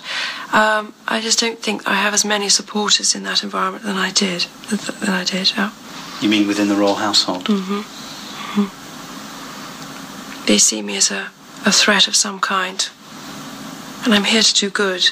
Not a dis- I'm not a destructive person. En eftir þetta viðtal fór allt að stað og mánuði eftir á þá segir Bucking, já þá sendir hann að Buckingham Palace Hva- Drottningin, já sendir drottningin uh, bara bref á þau bæði. já, á Charles og Diana Mhm. um að þau ættu bara vinsalegast að, að skilja að því að þú veist, þau voru í rauninni löngu skilin og bæði bara komin í önnur sambönd og 96 þá játaði Charles að fá skilnað og Diana líka Stuttu eftir. já stöttu eftir á eftir að hafa verið farið í gegnum svona hérna samningsverðar og, og, og fin- fund, fundir ykkur góða lausn á hvernig það ætlaði að skipta eignum og svo leis Já. Þessu ekki, ég er, að, ég er alltaf þekkt að... um. já við erum ekki vanar á svona fína græjur Nei, nei, nei. en já áður en það gerist, áður en að þau skilja alveg bara svona officially þá sem sagt sakar Diana Charles um að hafa haldið við Tiggy sem er aðstofakonun hans og ég persónlega hef aldrei heyrt þetta nafn fyrir en ég fór að research nei ángriðs bara fyrir en þú sagðir mér Mhm. þetta áðan Tiggy, það er einhvern veginn fór alveg framhjá, framhjá mér en hún var svona personal assistance fyrir hann og hún sem sagt sakar hana um að hafa orðið ófrísk eftir hann og farið í fósturæðingu og hún brálast Mhm. yfir þessu og sendir lög, lögfræðingi sinn á dæjanu og kraf, krafðist þess að fá afsökunarbæðinu frá henni og þetta, f- bara, þetta þótti bara rosalega mikil móðgun þar sem fóstureyðingar voru litnar horn, var það ekki þannig bara, Jú, jú. jú, veist, það var bara ekki gott Nei. að fara í fóstureyðinga á þessum tíma og þetta var bara mikil móðgun og þarna fór að stað útrúlega mikil hræðsla hjá dæjana um lífi sitt og, og þessu máli var einhvern veginn aldrei droppað þú Nei. veist hún var líka bara held, held ég og halda margir að hún var, hafi verið bara orðin bara paranoid og pínu psycho Mhm. á öllu sem hafi verið að ganga þú veist, og hún með búlimíu og, og reyna að halda andlit ég held að bara hún hafi verið á okkur hálum ís að það sko Já. þannig að mm, mm, mm, en já, sæll, hún fekk 17 miljónir evra í svona settlement eftir skilnaðin og 400.000 evrur hver á, var það í mánuði? Nei, nei, ár hvert. sem Ár sagt, hvert. Eftir það. Shit, Sem er sé- basically 17 svona- miljónir evrar Það er svona sem er sett hérna svona alamóni. A- a- eh, ég ætla, ég ætla, Alamóni. er ekki það 6 0 í sau- milljón? Jú, 1, 2, 3, Spyrir mig 4, meira. 5, 6 hún fekk nei, 2 milljónir það hlýtur að meira, Þú- 2 miljardar Það er ekki 6 núna. það er 600.000 Eitt einu- eh, bætti einu lög Ó, eru 7-0? það er sjö 23 miljónir? það er eftir Ég trúi því ekki. að sjá 7 million Við erum að googla þetta en það fyrir ykkur. þetta voru 7 þetta voru 7 millionar ekki 6 heldur 1, 2, 3, 4, 5, 6 það eru 6 6, 0 6, 0 pluss þarna það eru mækinn er alltaf hérna að droppa Þið verðið, verðið afsaka þetta Það er svo perrandi þegar þetta er í evrum og eitthvað svona, maður verður að vita hvað þetta er í ísk, Íslensku. ísk krónos. en, en þið veitir bara að þetta er bunch of monies Já, þú veist, en ef þetta er 20 miljónir þá er ég í smá sjokki, sko. nei, nei, þetta- ef þetta eru- ef þetta eru 7 millionar evra Já, þá bætum við tveimur auka núlum núna ok, þetta er eitthvað fokk þetta mikið. er fokk mikið Segjum það bara. og svo hann að, segjum bara, segjum bara 100 miljónir íslenskar sirka. já, og hún hafði það bara gott til æviloka Uh, basically og þau skru, skrifuðu svo undir svona trúnaðarsamning þar sem að, þau máttu ekki tala um hjónabandið nýja skilnaðin sem meina það var búið að segja alltaf undan því hvað gerðist sko en já, ég meina eins og fólk að ekki vita bara allt sem var í gangi. Og þarna missir hún titilin The Royal Highness og var þá bara en held prinsess, samt titlun, titlinum The Princess of Wales já, sem að Hún var ég þekkt fyrir. persónulega hef ég aldrei kallað hana Royal Highness. Nei, en þú veist, það var það er alltaf mjög svona hár titill sko að vera kallaði Royal Highness í, í Breitlandi Mamma kallaði mig þetta stundum. bara þegar hún er að skamma mig. Held það sko. En þráttur í skilnaðin þá var hún alltaf partur af bresku konungsfjölskyldunni þar sem að hún var náttúrulega mamma strákana, William og Harry og vegna þess þá vildi Eli, hérna Elisabeth að hún myndi halda titlinum en Charles krafðist þess að hann erði tekin af henni. Jöp. Hann vildi svolítið slít, slíta bara öllu við hana já, en hún bjó eh, áfram í Kensington Palace sem ég hef farið ánga by the way ég hef stíð á sömu jörðu og hún spáði því, já, það er það er magna magna ég menn þú, þú hefur stigið á sem ég hún þar sem hún bjóst á sem plándu hún Æ, sömu flísum Nei, ángríns bara ef þið farið til London, farið þá í Ken- hérna, Kensington Palace mm. það var geggjað en du, já, þarna fór hún að deyta Pakistana stannan, breskan Pakistana eða british Pakistani já, sem var hjartaskurleiknir og ég veit ekki hvort hann er hann á lífi en hann héti allavega hana vonandi er hann ekki búin að breyta því Hasnat Khan svakalegt nafn sorglega um það, og hún var mjög ástungin af honum og taldi að hann væri the love of her life og kallaði hann Mr. Wonderful Æn krótlegt það er mjög gott sko.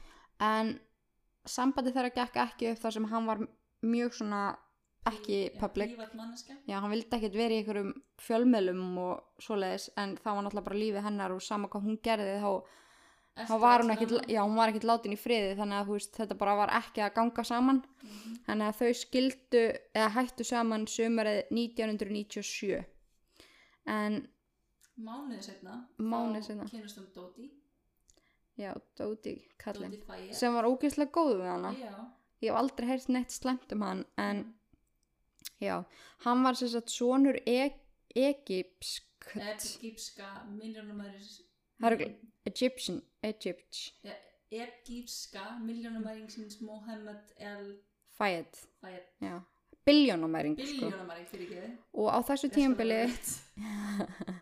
pælti ég að biljónumæringur en já, og pappi hans átti sér svona Ritz Hotels og á þessu tímabili þá vildi hún fara með sinni sína í frí uh, til The Hamptons Bara- í, í, í New York já, sem að þau ætliði bara að fara þrjú en security tímið hennar bönnuði það gáttu þau bara að banna það já, þú veist, eða eða var eitthvað svona security threat já, þá úst, er ekkit ráðlagt við að taka börnin með nei, af því að þetta var náttúrulega þau ráða náttúrulega bara yfir því hvað hva, þetta er náttúrulega þessi börnin náttúrulega bara munum vera hérna, framtíðar kongar sko. um um, ok, tökum okkur smá pásu ég er með augnar í augunu kemur smá það er ekki hægt að meta þú veist, og það er bara vita mál að þeir eru að fara að vera prins það vera nei, kóngar. kongar, já þannig að og hún þáði þá bóð sem hún hefði fengið fyrir að dóti um að fara í frí með honum og fjölskyldunni hans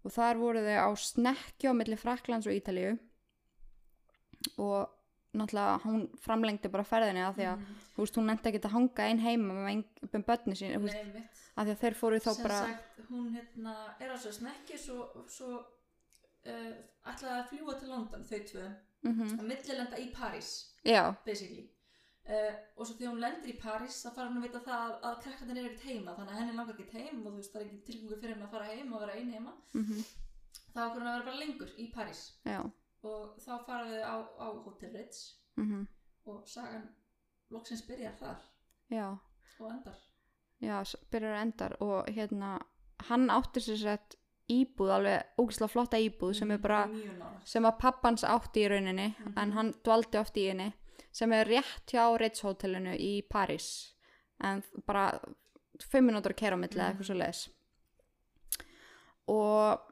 mm, mm, mm, hvað er ég komin? Já, þannig að eins og þú varst að segja þá var 30. ágúst sem að þau flugu þarna já, Til Lon- enda í París lendi í París og þau ætlaði að fara til London, gerðu það ekki þau ákveða að vera lengur, pæltið þau hefðu farið Parið, já. en hún áraðu já, og þau sem sagt fara þennan dag í kvöldmatt á Ritz á Ritz hótelinu eftir að þau voru búin að þú veist, koma sér fyrir og svona í íbúðinni Mhm. og þarna var fengið mann sem heitir Henry Paul sem var Head of, uh, of Security á Ritz hótelinu til þess að búa til svona decoy þú veist, Já, þannig og að þau þetta er get... kaupbíl fyrir framan Já, þannig að hann græjaði hérna Mercedes-Benz Mhm. alveg eins og bíl hérna þenni- þessi umtalaði bíl já, Eh, hann græjaði hana framann já, og síðan voru þau búin að plana það að fara út að aftan já þetta var svona masterplan hans Dótís Já, af því að þú veist það var ekki séns að þau myndu fá frið þú veist, þau myndur bara ekki komast frá sko. þannig að hann fór þarna þessi Henry og kallaði yfir fjöldan bara herðu þau, hún er bara að koma eftir smá og verið tilbúin og færið ykkur þannig að bílinn komist í burtu og eitthvað svo leiðis og það var bara sjúklega mikið af fólki hann fyrir utan og síðan er þetta að googla myndir aðeim þar sem að þau eru að fara út að aftan þú veist það sést í security mynda vélónum og þau eru brúkslega lofi-dofi og hún er, hann er haldið utanum hana og þau eru bara hlá. Í bílnum er Diana og Dóti, þau eru aftur í. Já.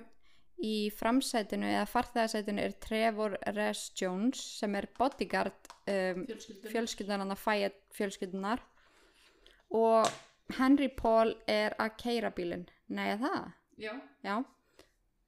Og þremur mínútum setna þá missir Paul stjórn á bílnum að ég ætla kannski að byrja á að segja ykkur það að það sem er rosalega undarlegt við þetta er að það átt að vera nokkuð svolít leið aftur að það íbúðinni. var mjög stutt solid leið Já, þetta átt að vera bara mjög bein leið, þú veist, þú áttur ekki að fara í gegnum eitthvað göngi að fara yfir eitthvað ringtörk, þetta var bara fimm mínútum í burtu, en að ykkur ástæðu þá, þá fa- fer Henry Paul eitthvað aðra leið, eitthvað miklu lengri krókaleið sem að, þú veist, ég er raunin ekki hægt að útskýra nei Og hann- kannski að það var eitthvað bak við það um nema, já, einmitt en allavega svona, ef maður lítur á þetta í fljótu bræði þá svona, akkur gerði hann þetta, ég veit ekki er hann eitthvað að reyna að villa um fyrir paparazzis eða eitthvað svo leis, en hann fer hann þessa löngu leið og sem að þú veist, og er bara í rauninni að keiri burtu frá íbúðinu, þau eru bara ekkert að spája því þau eru bara aftur í að spjalla og eitthvað og þegar hann fer inn í göngin þá er hann á hvað, 105 km hraða já, sem er alveg rosalega hratt eh, þegar þú ert að fara inn í göng ég held að hámarsæðan að það vera 60 km hraða já, í Hann- göngunum sjálfum þannig að það er út af fyrir sig mjög skrítið Mhm. en þegar hann kemur inn í göngin allavega svona fyrst til að byrja með þá er bara eins og hann missir stjórnabílnum fari út í hægri veggin já, skellur á hægri vekkin já, snýst bílinn snýst snýst sem sagt vinstri framan á þannig að fram, framan á bílum lendir á 13. súlunni inn í göngunum og svo sveiflast hann tilbaka aftur á vekkin já, þannig að bílum verður eiginlega einn- svona einnig samlóku að framan á það aftan já ángríns, þannig að það kemur bara úr báðum áttum þessi skellur og ég fljótu bræði er bara eins og hann hafi mist stjórn af því að hann var að keira svo hratt mm en þetta er rosalega mikið tjón bara, eitt og sér já og og hérna síðan stutt eftir slesið ákoma vittni að þessu, það var einmitt maður á mótorhjóli sem ég heyrði viðtal við einhver, einhver staðar og hann er að segja frá því að hann hafi bara verið rétt á eftir þeim að koma inn og heyrst einmitt bara þegar þetta gerðist já, og hann kemur svo að þessu og gerir eitthvað og hann, það hefur aldrei verið rætt neitt við hann aftur Nei, herðu, það var eiginlega bara að þakka hann, að þakka í hann, að hvað segir maður, að þakka hann niður. já, Uh, sem sagt, hann náttúrulega, ég var að horfa myndbættið bara í morgun, að hérna, sem var bara svona viðtala við hann, bara eitthvað svona áhver, áhver kaffihús. Já, eitthvað svona- einmitt. Já, já, hann bara já, já. Og með einhverju sigarettu bara að tala við það. já, og hérna hann var að segja að, þú veist, að hann kemur eftir og, og, og, hérna, og hann opnar bílinn sko já og, og hann sér, hann sér dæjanu mhm, og hann segir bara ég þekki þessi manneski ég veit hvað þessi manneski er mhm, og þá hérna hann, hann tekur og hann, hún liggur ofan á framsætinu já hún er svolítið svona yfir framsætið mhm, og hann tekur hana uh, svolítið fram þú veist, a- að já, leggur hann framsætinu svo aftur á og bak þá og svo skell, skellist þú veist, þá bara svona dottar hausin aftur á bak já, þannig að hún er meðvendalust það já, en það sem önnur vittni segja að hún hafi verið með meðvitund já, í göngunum einmitt sem passar ekki alveg saman mhm, en, en þessi, þetta vittni segir að hún hafi, hafi verið með stærleiki blóður eyrunmáni og mm -hmm. blóður nefináni já, og ekkert annað sjáanlegt ekkert annars sjáanlegt þannig að, já uh, svo þegar lögreglun kemur og hann, þú veist, þessi maður er alltaf bara í sjokki Mhm.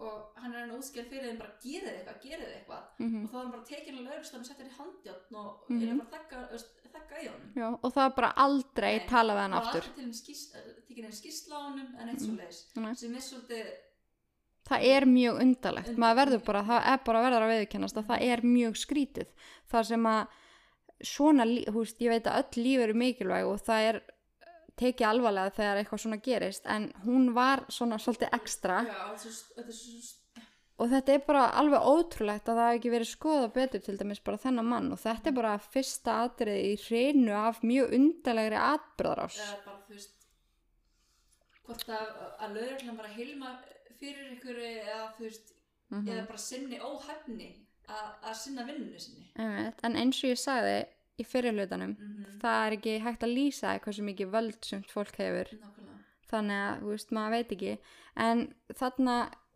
hrúast náttúrulega bara paparazzis og Mhm.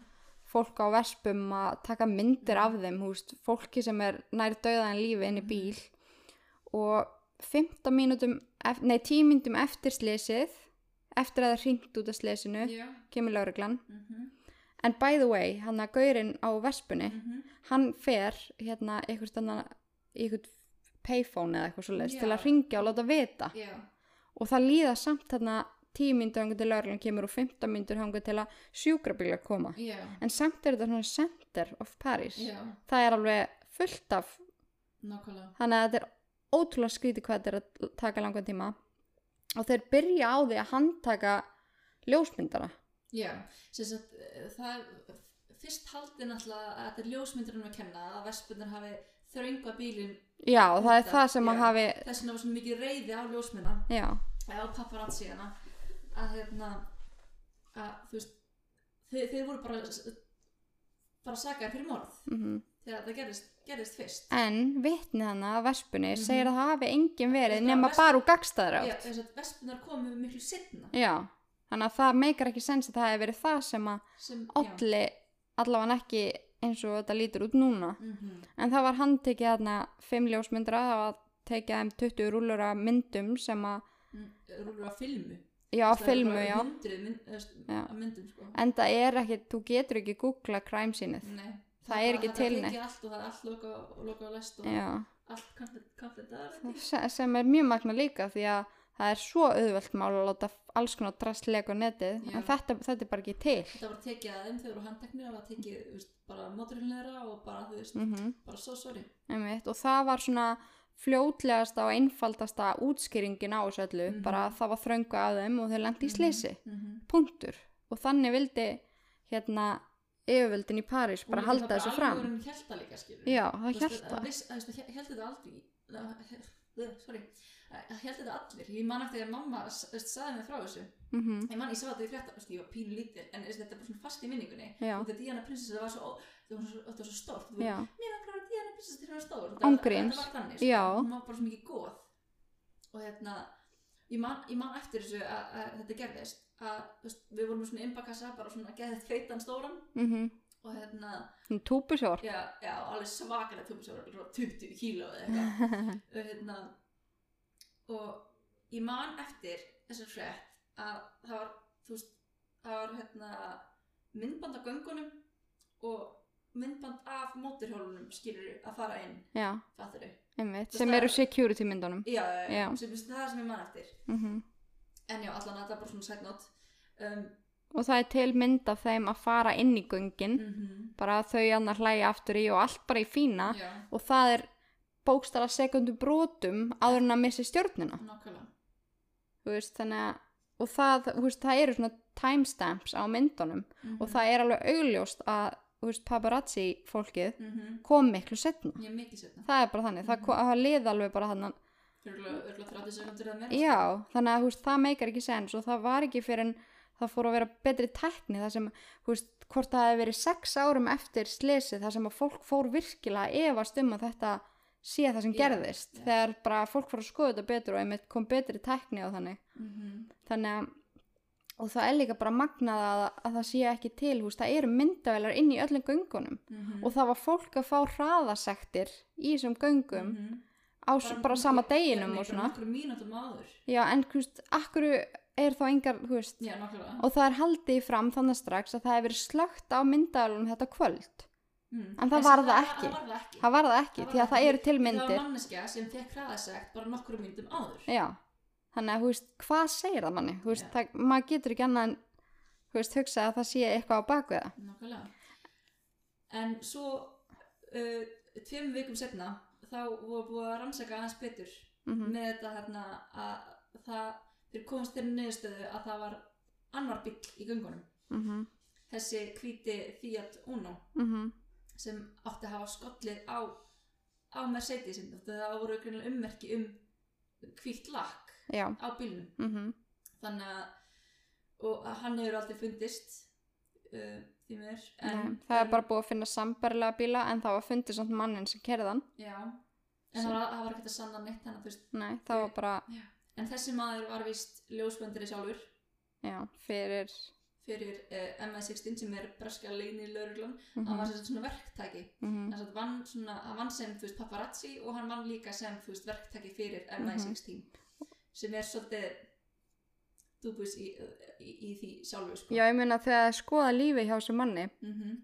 þá sko þá er hann bara búin að tilenga lífinu sínu alveg eins og ég var að segja á hann að það voru sömi sem bara tilenguðu lífinu sínu að taka myndir af henni og það er það sem hann var búin að vera Já. að gera og það, hann var búin að vera að fá greiddar mjög stórar summur inn á reikningi sinn já, þú veist fyrir hvað, alltaf bara sjúklega mikið já, og alveg eins með bílstjóran bílstjóran hann var búin að vera að fá mjög háar summur inn á reikningi sinn og hann var með eitthvað rugg mikið af peningum á sér þú veist þegar var, þú veist, í bílslisinu já, þannig að þú veist, maður spyr sig þú veist, og þetta voru svipaðar upphæðir sem að vera að leggja náða á báða mhm þannig að það er alveg spurning en svona til að spila svona devil's advocate þá er hann náttúrulega bílstjóri fyrir biljónamaring mm Mhm. -hmm. sem gæti útskýrt peningina en þú veist eh, út að það er svo mikið af svona, hvað segir maður um, uh, uh, svona passar ekki saman að Mhm. þú veist hvað segir maður að þú veist svona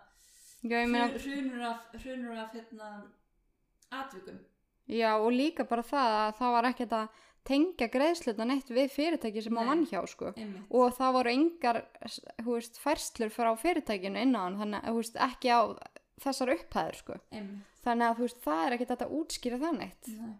en sko uh, Diana, þú veist, í bílsleysinu þá var hún ennþá með meðvitund Já. og Þeir- muldraði hann þeir- þeir seg- Já, er þið segja það þess að vitnin sem koma eftir, eftir, að- eftir fyrsta vitnið já, eru bara eitthvað, hún er eitthvað oh my god, leave me alone, oh my Nei, god nei, hún- þess- hún, hún muldrar eitthvað oh my god, oh my god, oh my god og svo þegar lögurlum kemur og, og, og tjekkar á henni þá segir hún leave me alone, leave me alone mhm, segja þeir, já, en sko- samt var hún meðendalaust þegar fyrsta vitnið kom einmitt en sem, það ge- getur, hún getur alveg ranka við sér skilur en maður veit aldrei en þú veist, já, en þú veist þetta bara, þetta eru þú veist, það er ekki eins og þessu haldtíman á milli, það eru Nei, bara þetta er sekundubrót á milli Já, þetta er bara, no- eða, þú veist, hérna, ok, s- frá Hotel Ritz, 20, 20 myndur yfir, Já. e, e, 20 myndur yfir 12 Já. um, á minnati, 3 myndur setna, lendur hún í byrjuslesinu, já, tíu myndir setna kemur lögurinn á staðinn og Mhm. fimm myndir eftir það kemur hérna sjúkurubillin já. þannig að En hún var ekki komin inn á sjúkrás fyrir Þau henni eru tvö, tvö sko. mínútu. Þannig að, það þú er veist, einum og hálfum tíma setna einmitt. En Dóti, hann dó samstundis í bílslýsinu Mhm. og bodyguardin líka. Og hann alveg, slið, þú veist, hann nei, bara bo- lent. nei, nei, bílstjórinn dó Já, það var bílstjórn sem dó. bílstjórinn Bodyguardin. dó lifði Já, þá er ég búin að segja vittlust. Það er bodyguardin sem var að, búin að vera að fá sömur af peningum. nú Já, já, alveg rétt, sorry með þetta. Ég rugglaðist á mönnum. hvort manna vilt Já, en sem sagt, bílstjórinn, það reyfnaði bara andlitið af honum og eitthvað svona. Já, þetta er bull. svakalegt sko En, já, vittni á staðnum, einmitt, eins og við vorum að tala um, hafi- sögðu að það hafi ekki verið neinn svona visible injury á daginu nema það lag blóðu nefin á henni, það blóð rak, lag úr eirun á henni líka. En hún bara fekk ótrúlega mikið af innvortisblæðingum, og, og hérna hjarta á henni það er færst um stað já, Sem shit, sagt, og aðal æðin í hjartanu eins og þetta stór, manni hvað hann heitir hvað s- skrifar hann eða nei, nei, basically bara eh, hún ripnaði það ekki. nei, hún sér út af því að hjartað út af því að hjartað er í, í vinstra kóli Mm og hjarta var komið á hægra megin þannig að þú veist bara þú veist, hjarta rifnaði bara spesli úr stað Sjétt, sko. En sjúkrarlega náðu að pumpa hjarta hennar aftur í gang, þannig á allavega. staðnum Já, og hún var send með sjúkrabíl átjó myndur yfir eitt. Paldi hvað hún er búin að liggja þarna lengi. já, 40 mínútur cirka Og- nei, næstu klukkutíma Og hann fór á stað 20 mínútum setna. mm -hmm. Og 6 mínútur yfir 2 þá lendaði á sjúkrahúsinu.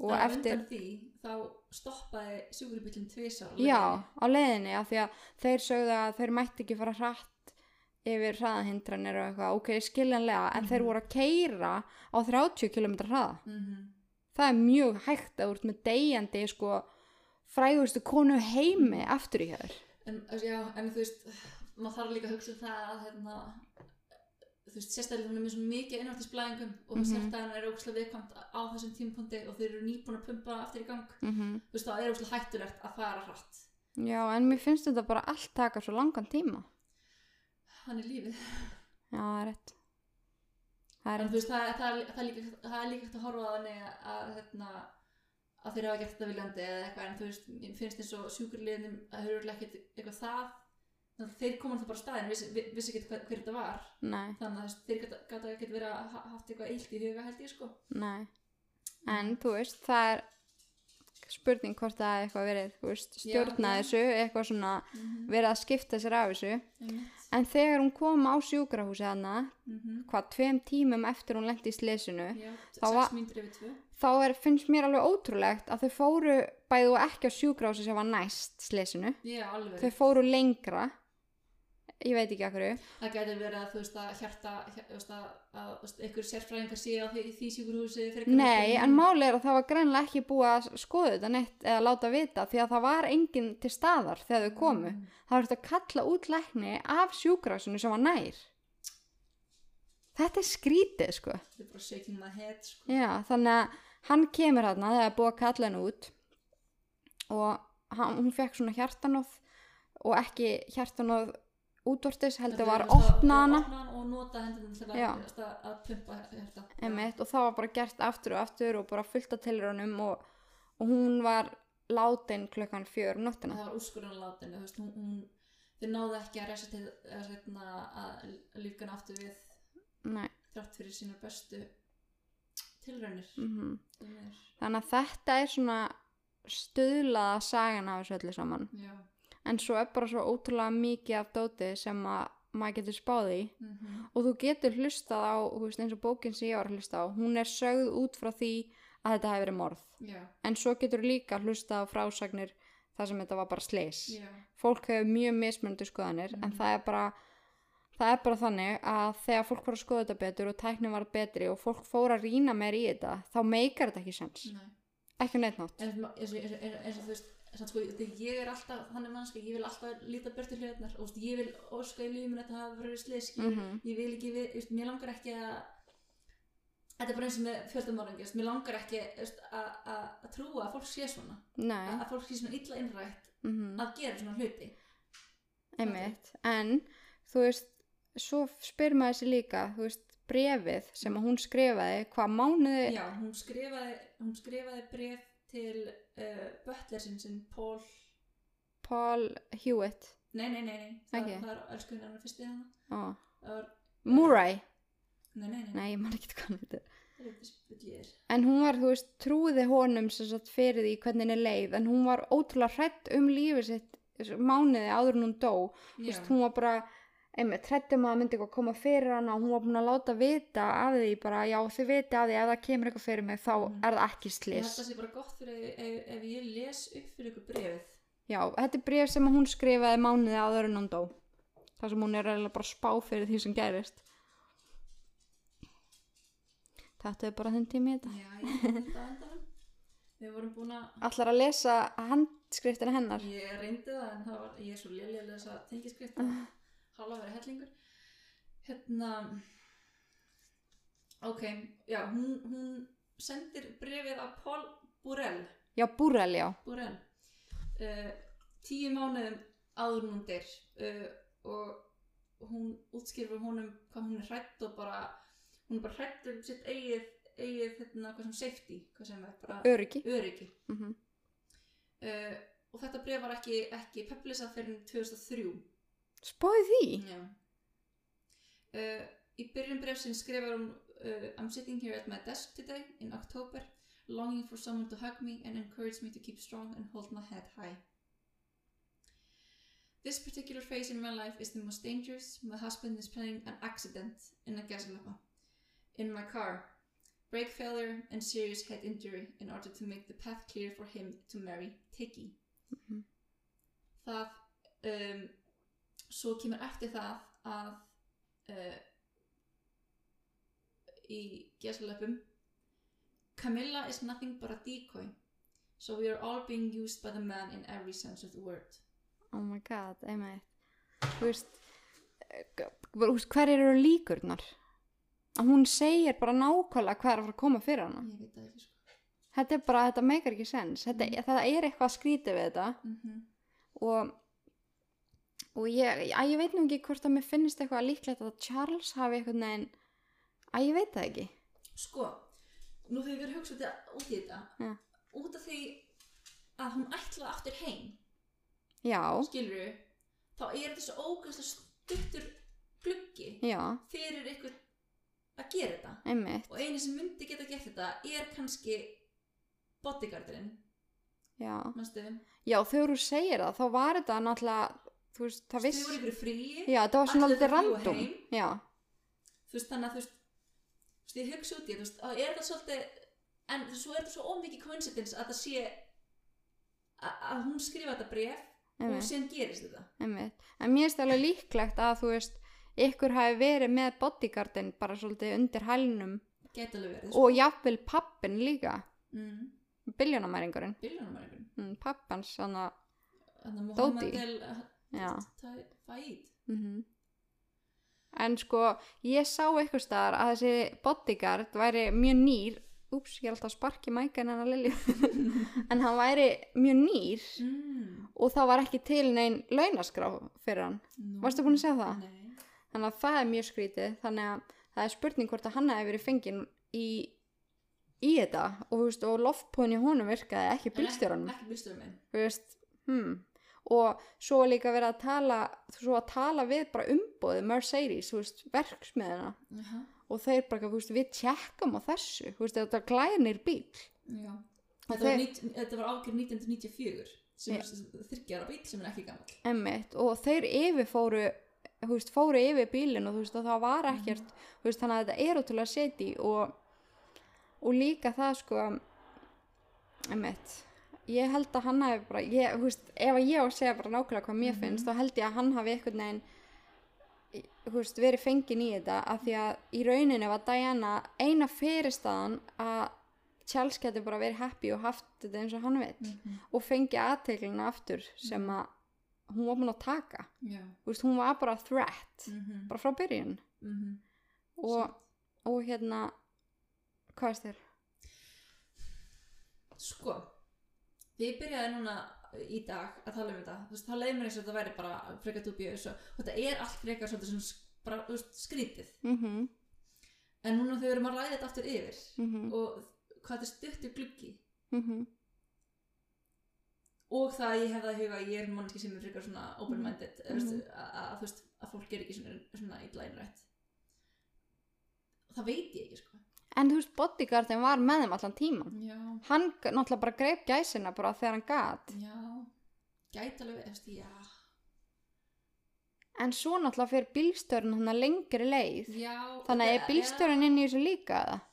já, ég veit það ekki. Þetta er bara svo skrítið og svo hann með myndirnar inn í göngunum. Mhm. Akkur er ekki tekið mynd af þeim en það er Já. tekið mynd af öllum hinnum sem fóru sama dag í gegn, skilur já, Af hverju tókust allt þetta sjúkrabíladæmi svona langan tíma? mm, þú veist af hverju kom löggan svona sent af hverju var fyrsta verk laurugla að handtaka paparazzis, skilur já, og af hverju mm, var opnað göngin sama bara um morgunin já. það var þrifi göngin með bara svona gö- götusóp og Mhm, bara spritta veggina og fólk var bara að byrja að keira aftur um undir morgunin já. þú veist, væri ekki lokað þetta af eða væri eitthvað svona risa fræg manneskja dáin að þetta var minn crime scene líka já, þú veist, það var eðalagt kannski eitthvað sönnun okkar já, Þú veist, þetta rétt meikar ekki hjá sens já, þetta bara gerir það ekki þetta, þú veist, ok, kannski er þetta ekki eins og ég held að þetta sé, þú veist, Nei. það er kannski eitthvað meira á bakvið en mér finnst ekki tilvölin að hún hafi verið hrættin lífið sitt Ok, ég er, sammála, ég er sammála allir því, sko, ég er sammála því að þú veist, hún, hún, hún var hrættur í sitt og það var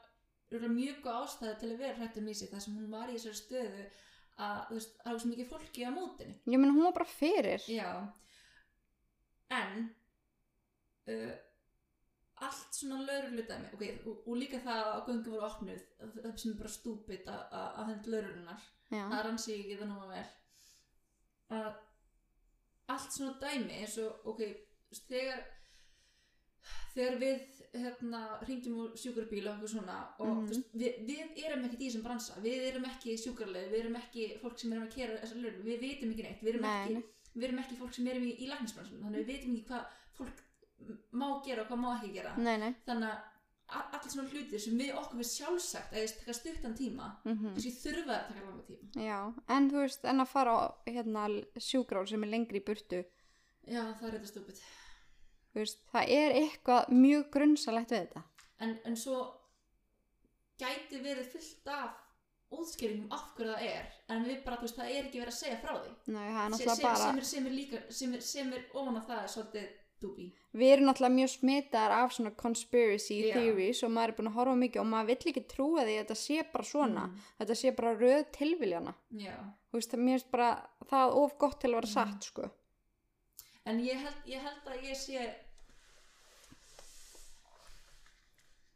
Mér langar bara að spyrja svolítið devils advocate. Mér langar eiginlega bara að þetta sé eitt slýs. mm ok, en ég meina hún dó þarna, mánuði eftir allt þetta gekk á Mhm. þú veist ok, hún skrifaði þessi bréf þú veist, það er ekki hægt að sanna neitt Nei. af því að það er ekki til hennar myndir það er ekki til Nei, hennar sönnunugögn og, ok, og líka það að þú veist að, að, að franska lauruglan hún, hún er búin að neyta brasku um að taka svona sjálfstætt hérna, investigations já, sem ég held að þau sé bara að hilma fyrir því hvað þeir eru lélir í starfið sinu Mhm. og svo erum við líka að taka til greina alla, alla pólitíkina á Mhm. baku þetta því að hún var þarna að reyna að brjóta niður landamærin, sér það ekki að hérna hún var í Já, samning herðu, hérna, hún, hún, seg, hún kom í gang hérna No Landmines Já, uh, dæminu ég meina það var ekki vel séð Nei, þú veist það var fullt af fyrstum og einhverjum forsetum sem að voru bara eitthvað hvaða kettling er þetta já, hún er bara eitthvað, að því hún hafði bara svo mikið vald og hún vildi bara gera jörðina betri og það er bara staðrætt að það er Mhm. ekkert endilega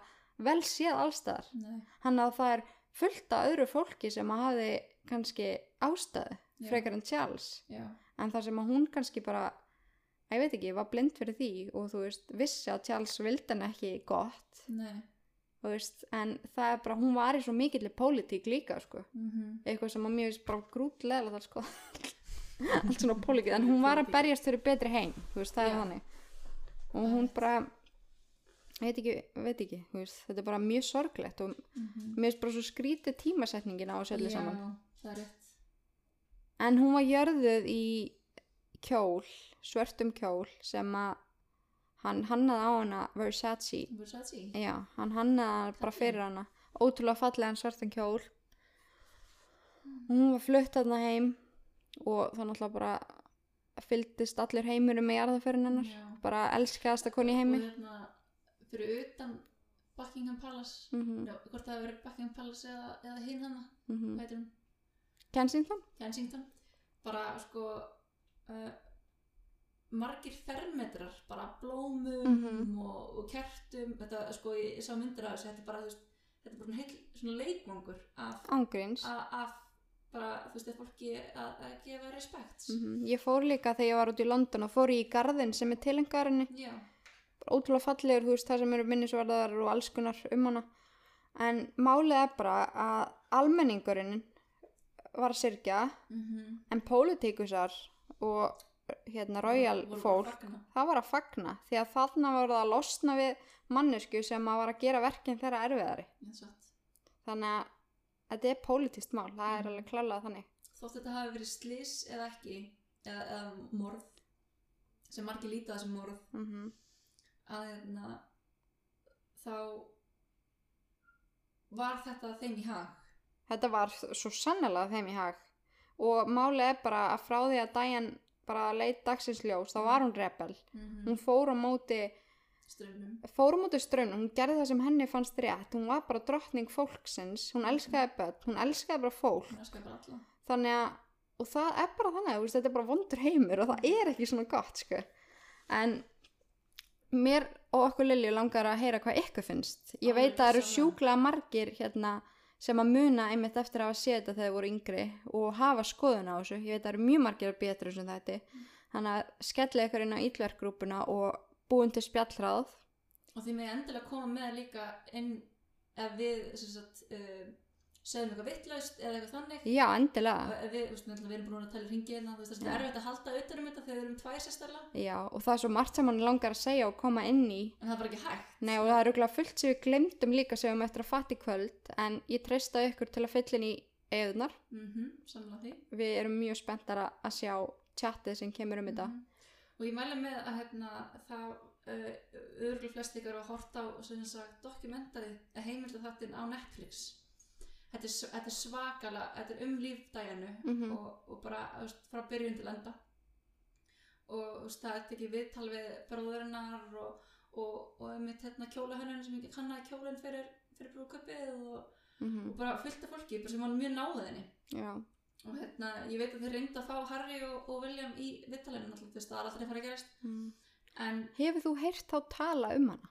þeir, þeir, þeir dásam hana, sko Er það? þeir dásam hana, Já. þeir bara, þeir elsku mömmu sína Mm Mér finnst bara svo magna að fjölskyldan hafi aldrei gert neitt í þessu máli einhvern veginn. Mér finnst, ég hef aldrei heyrt neina frétt um að þau séu bara eitthvað, bara við ætlum að finna út úr þessu, þú Já. veist. en máli, má- ok þeir eru náttúrulega svo litlir hana, sko Já. hvað, hvað, þú veist, hún Þau eru fættir 80, 84 80 og 84 eða ekki? það var, nei, 84 var Harry Mm 82 var William, þú eru það það er tvörum milli þeirra Já. þannig að þeir eru hvað, Hún deyr, hún deyr 97. 97, þannig að þeir eru að vera 15, 16 eða ekki, Nei. er ég, ég, ég Veitu, kannski ég bara skal ná í vasareikni 1982 97. mínus Nei, nei, þú byrjar 97 og sem mínus var 1980 þá. já, 15 ára hérna þessi eldri Já, já. Og hann veist, og þá er William 15 ára og en þú veist, pælti því hvað er erfitt að vera inn í sér fjölskyldi mm og heyra þær sögursagnir að kannski væri mamma þinn myrt af þinni eigin fjölskyldi. já, reyndar og líka það um þetta að vilja ekki stir things up Já. Þú veist, hafa Líka bara, kannski þú veist, heyrt- Þið þið mega það kannski rúlega ekki. nei, og hafa kannski heyrt þeim þetta að hún hafi verið fyrirstaða og hindrun í mörgu Já. pólitísku og svo leiðis þannig að kannski er það með það að þeir bara þóra ekki út í þetta Eða, eða bara mega það ekki. eða þú veist, Mm. nei, ég meina þeir meginn sem eru með Instagram sko. Nei. Það er Megan og, Megan og Harry eru með Instagram Aha. Sammeilegt Instagram, já í alvegni, Þú veist eitthvað the, the Duke and Duchess of whatever skilur oh my god ég held að mæta það ekki sko. Nei, ég- þú veist, Megan er svaka svona held ég Svona eins og Diana held ég Mm, það er náttúrulega reynallar að fætt í fótsporunar þegar hún var geggið. Náttúrulega, ég- það er ekki hægt Nei, Þannig að ég held að segja mér þetta gott af Díunu prinsessu.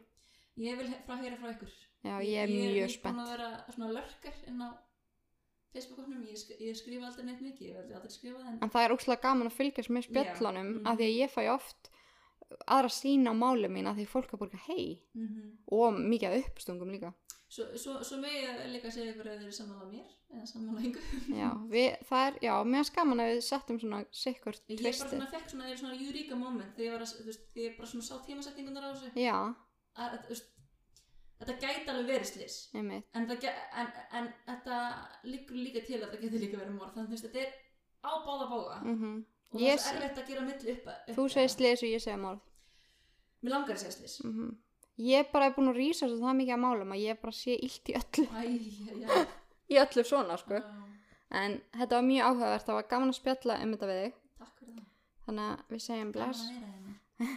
en við, eigum að- við erum ekki búnar, við erum eftir að draga úr leiknum nú, nú, nú, nú, nú. Ég er sko búin að skrifa niður nöfnin af fólkinu sem tók þátt Já. og ég ætla að byggja þig Úps, hann að kveikti ég á þætti Þannig að ég ætla að byggja þig um að nefna númer á Ok. bylinu 1 til Nei, nefnd, nefndu bara eitthvað au- númer um, ætla, hérna mm já, -hmm. á Áhugur, milli, milli hvað uh, ég það veit eru margir að taka það Þetta eru svolítið marga blæðsjör um, Segjum bara 100 Þetta eru glæð 100. já. ok, Hún er að gera eitthvað, eitthvað á jöfnu hérna nei, nei, nei Mundu bara, Heyrðu. mundu bara að þú ert að fara að brjóta hj- hjörtu á öllum hinum. Slálegaðileg. ok, það er Hún er að telja á puttun. Nei, hún fættist 1. júli Mm, hann ætla að segja 71 ok. Þá bara fer ég að Sem sagt, telja. 7 fyrir júli og 1 fyrir 1. Ok, 71. Mhm. Það er... Fæ ég trommuslátt? Lilla drömmur hann þannig veist Dur. Er þetta komið þegar það? Það er eitthvað meira að fletta.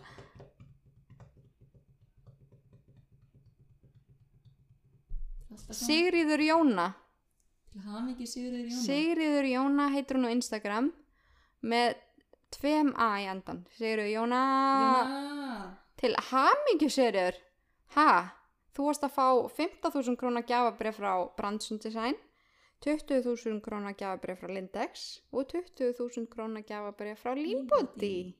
Styrtar aðlum þáttarinn sem að mér langar að þakka fyrir að styrkja hana leik en ég hafði hann bara til að gefa tilbaka því þeir eru náttúrulega búin að vera frábær. Úhú Woohoo, bara Hamingi frá þið. ángríns bara til hamingju ítverk fjölskylda. Við erum orðin ansið þétt. Komin yfir þúsund Geggjað. og við vöksum, vöksum, Já, vöksum ört að það vöksum hört. Við erum svo glatar í íslensku Já, ángríns, við, st- við stæk, hópurinn stækkar Stakkar ört með hverjum deginum og dafnar Á, og ég er þakklátt. Þannig að fallega sagt. takk fyrir komuna Lilja í betri stofuna. Nei, ég vona að ég sé nú góð fyrir það Já. hátt Endilega gefið Lilju engun hvernig hún stóð sig. Frá 1 yfir 5 Já, farðu um þetta. En það var, það var gaman að hafa eitthvað með sér. Ég er alltaf einin í herbyggja að tala í síman þannig að það var mjög gaman að spjalla við eitthvað. gott að fá svona kannski svona öðruvísi hérna, point of view Já, ángríns. En vilt þú segja það sem ég segja alltaf í endan?